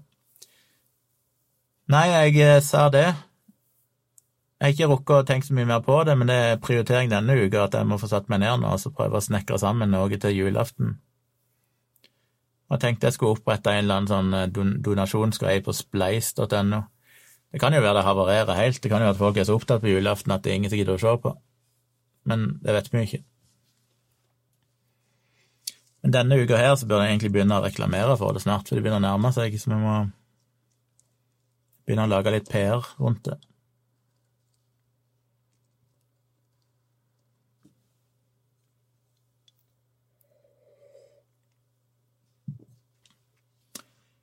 Greger skriver Greta Thunberg er sånn sett personifiseringen av hva Unabomberen kunne ha vært. Ja, Unabomberen var vel en ekstremt intelligent fyr. Akademiker, hvis jeg husker rett. Så han var jo ikke noen dum person, og hadde vel mange gode poenger. Men eh, metodene var vel ikke helt innafor. Da er nok mer tro på Greta Thunberg sin fredelige demonstrasjon enn å bruke voldelige metoder.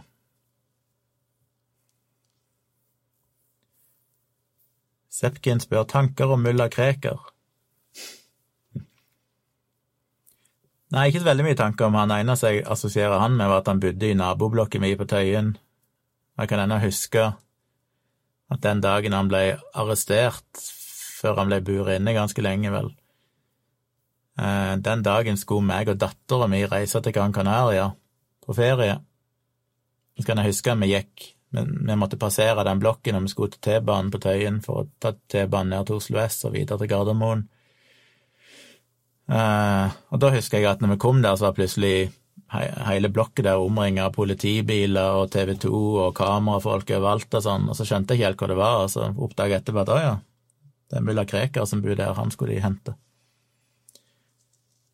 Så jeg har bodd med mulla Krekar som nabo ei stund uten å ha visst det sjøl. Jeg tror ikke han var så mye utendørs, han satt visst også bare inne. Zepkin spør liker du Urge. Så lenge siden jeg har drukket Urge at eh, jeg kan ikke engang huske hva som smaker, men jeg vet jeg likte det i sin tid. Jeg var ikke sånn superfan, kanskje, men det var ikke vondt. Jeg tror jeg likte Urge ganske godt. Anomi sier at Netflix-serien om Unabombene var ganske bra. Ja, jeg har hørt så, men jeg har ikke sett hele. Jeg så bitte grann av han, for eksen min så på han, og så fikk jeg med meg litt. Men jeg har ikke sett hele, selv om jeg egentlig hadde en slags plan om å gjøre det en gang i tida.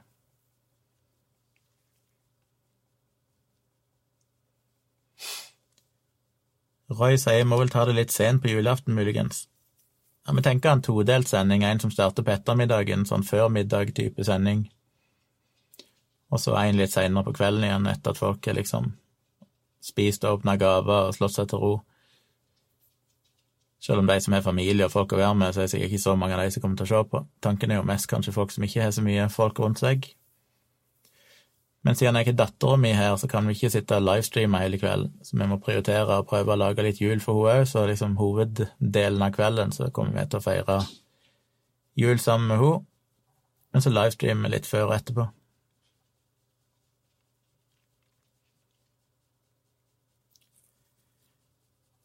Thomas sier jeg forstår ikke hvordan noen kan beundre Unabomberen, være så smart med brevbomber, det kan vel alle lage. Men Det er ikke det jeg beundrer han for, det er ikke bombene. Men uh, dette manifestet hans og sånn, at han hadde jo en del radikale ideer som jeg tror mange kan skrive unna når det gjaldt eh, hvordan vi ødelegger miljøet og alt mulig sånn. Som kanskje var litt forut i tid, nesten. Så han hadde vel en del, og han var jo en veldig intelligent fyr, så vidt jeg vet med akademisk bakgrunn.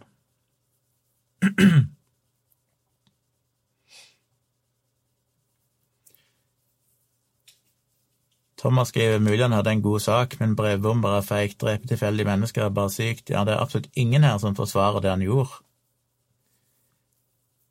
Men uh, disse manifestene og sånn, eller det han skrev, kan en jo fortsatt synes var fornuftig.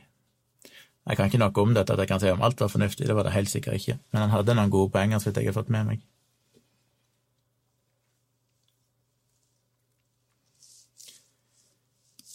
Vikram hadde en god idé. Kanskje fans kan sende deg gaver som du kan åpne live på kveldssendingen på julaften. Dette hadde blitt god underholdning. Ja, det begynner å bli litt kort tid, og så føles det litt sånn kleint at folk skal sende meg gaver som jeg skal sitte og åpne måtte være gave jeg kunne åpne og gitt videre til en eller annen god sak, holdt opp seg, men eh,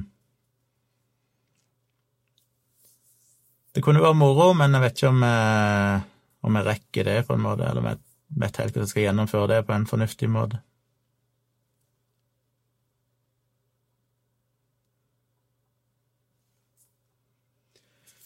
Tor Arne kom med et godt poeng. Jeg har sett den episoden og bestemte meg ut ifra den. Det er vel koronavaksinen han snakker om og blir å ta den. Tror julestjernen begynner å se sliten ut, glemt å vannet den. Det er jo et godt poeng, jeg har glemt å se på den sjøl, men han ser ganske tørr ut. Men vanner julestjerna litt, ellers får jeg kjøpe en ny en etter hvert. Den koster 20 kroner, så jeg blir ikke ruinert av det, men uh, så kan jeg få liv i den igjen, så må vi vanne den litt.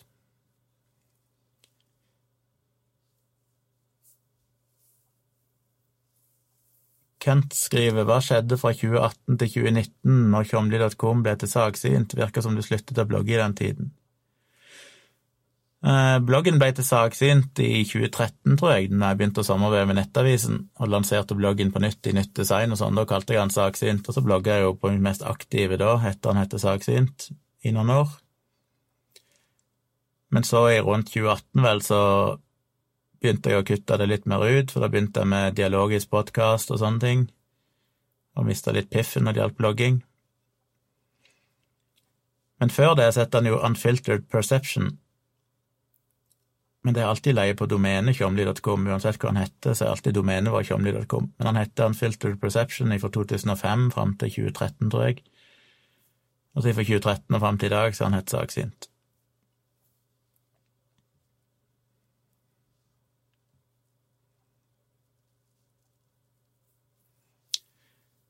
Roy sier at han har kjøpt alle Kari Jakkesson sine treningsvideoer på VHS til meg i gave. Veldig trist at jeg ikke fått spilt det av, da, for jeg er ikke noen VS-spiller. Men det er sikkert kjekk å ha i, uh, på bokhylla.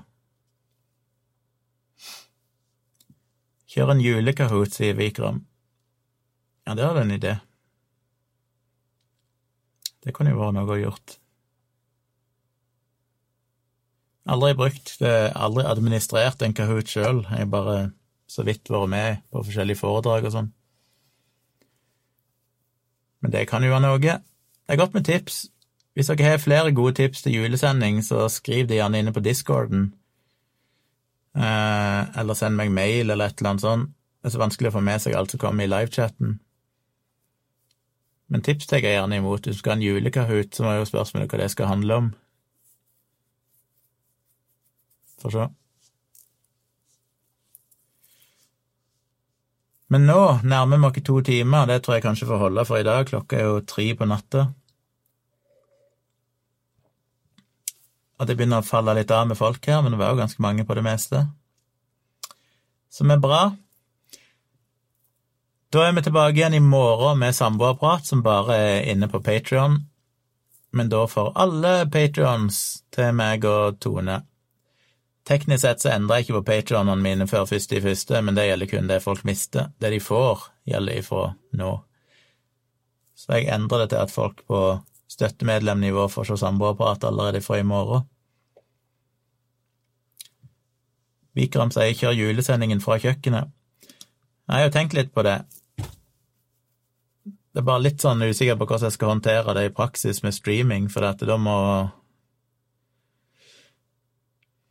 Når jeg streamer fra kjøk kjøkkenet, kjøkkenet, så må kameraet være kobla til en bærbar, i så fall. Men hvis jeg da seinere kommer inn her og skal fortsette, så kan jeg ikke liksom avbryte streamen og starte opp igjen og bytte maskin og sånn, så jeg vet ikke hvordan jeg skal håndtere det. Må ha en veldig lang DVI-kabel, sånn at jeg kan ha en DVI-kabel fra kameraet der inne, og så hele veien inn her. Ja, det var gøy å livestreame fra kjøkkenet, vi snakket jo litt om det tidligere, vi skulle filme at vi lagde mat og sånne ting, men jeg tror det blir for komplisert, så Jeg vet ikke, får tenke litt på det.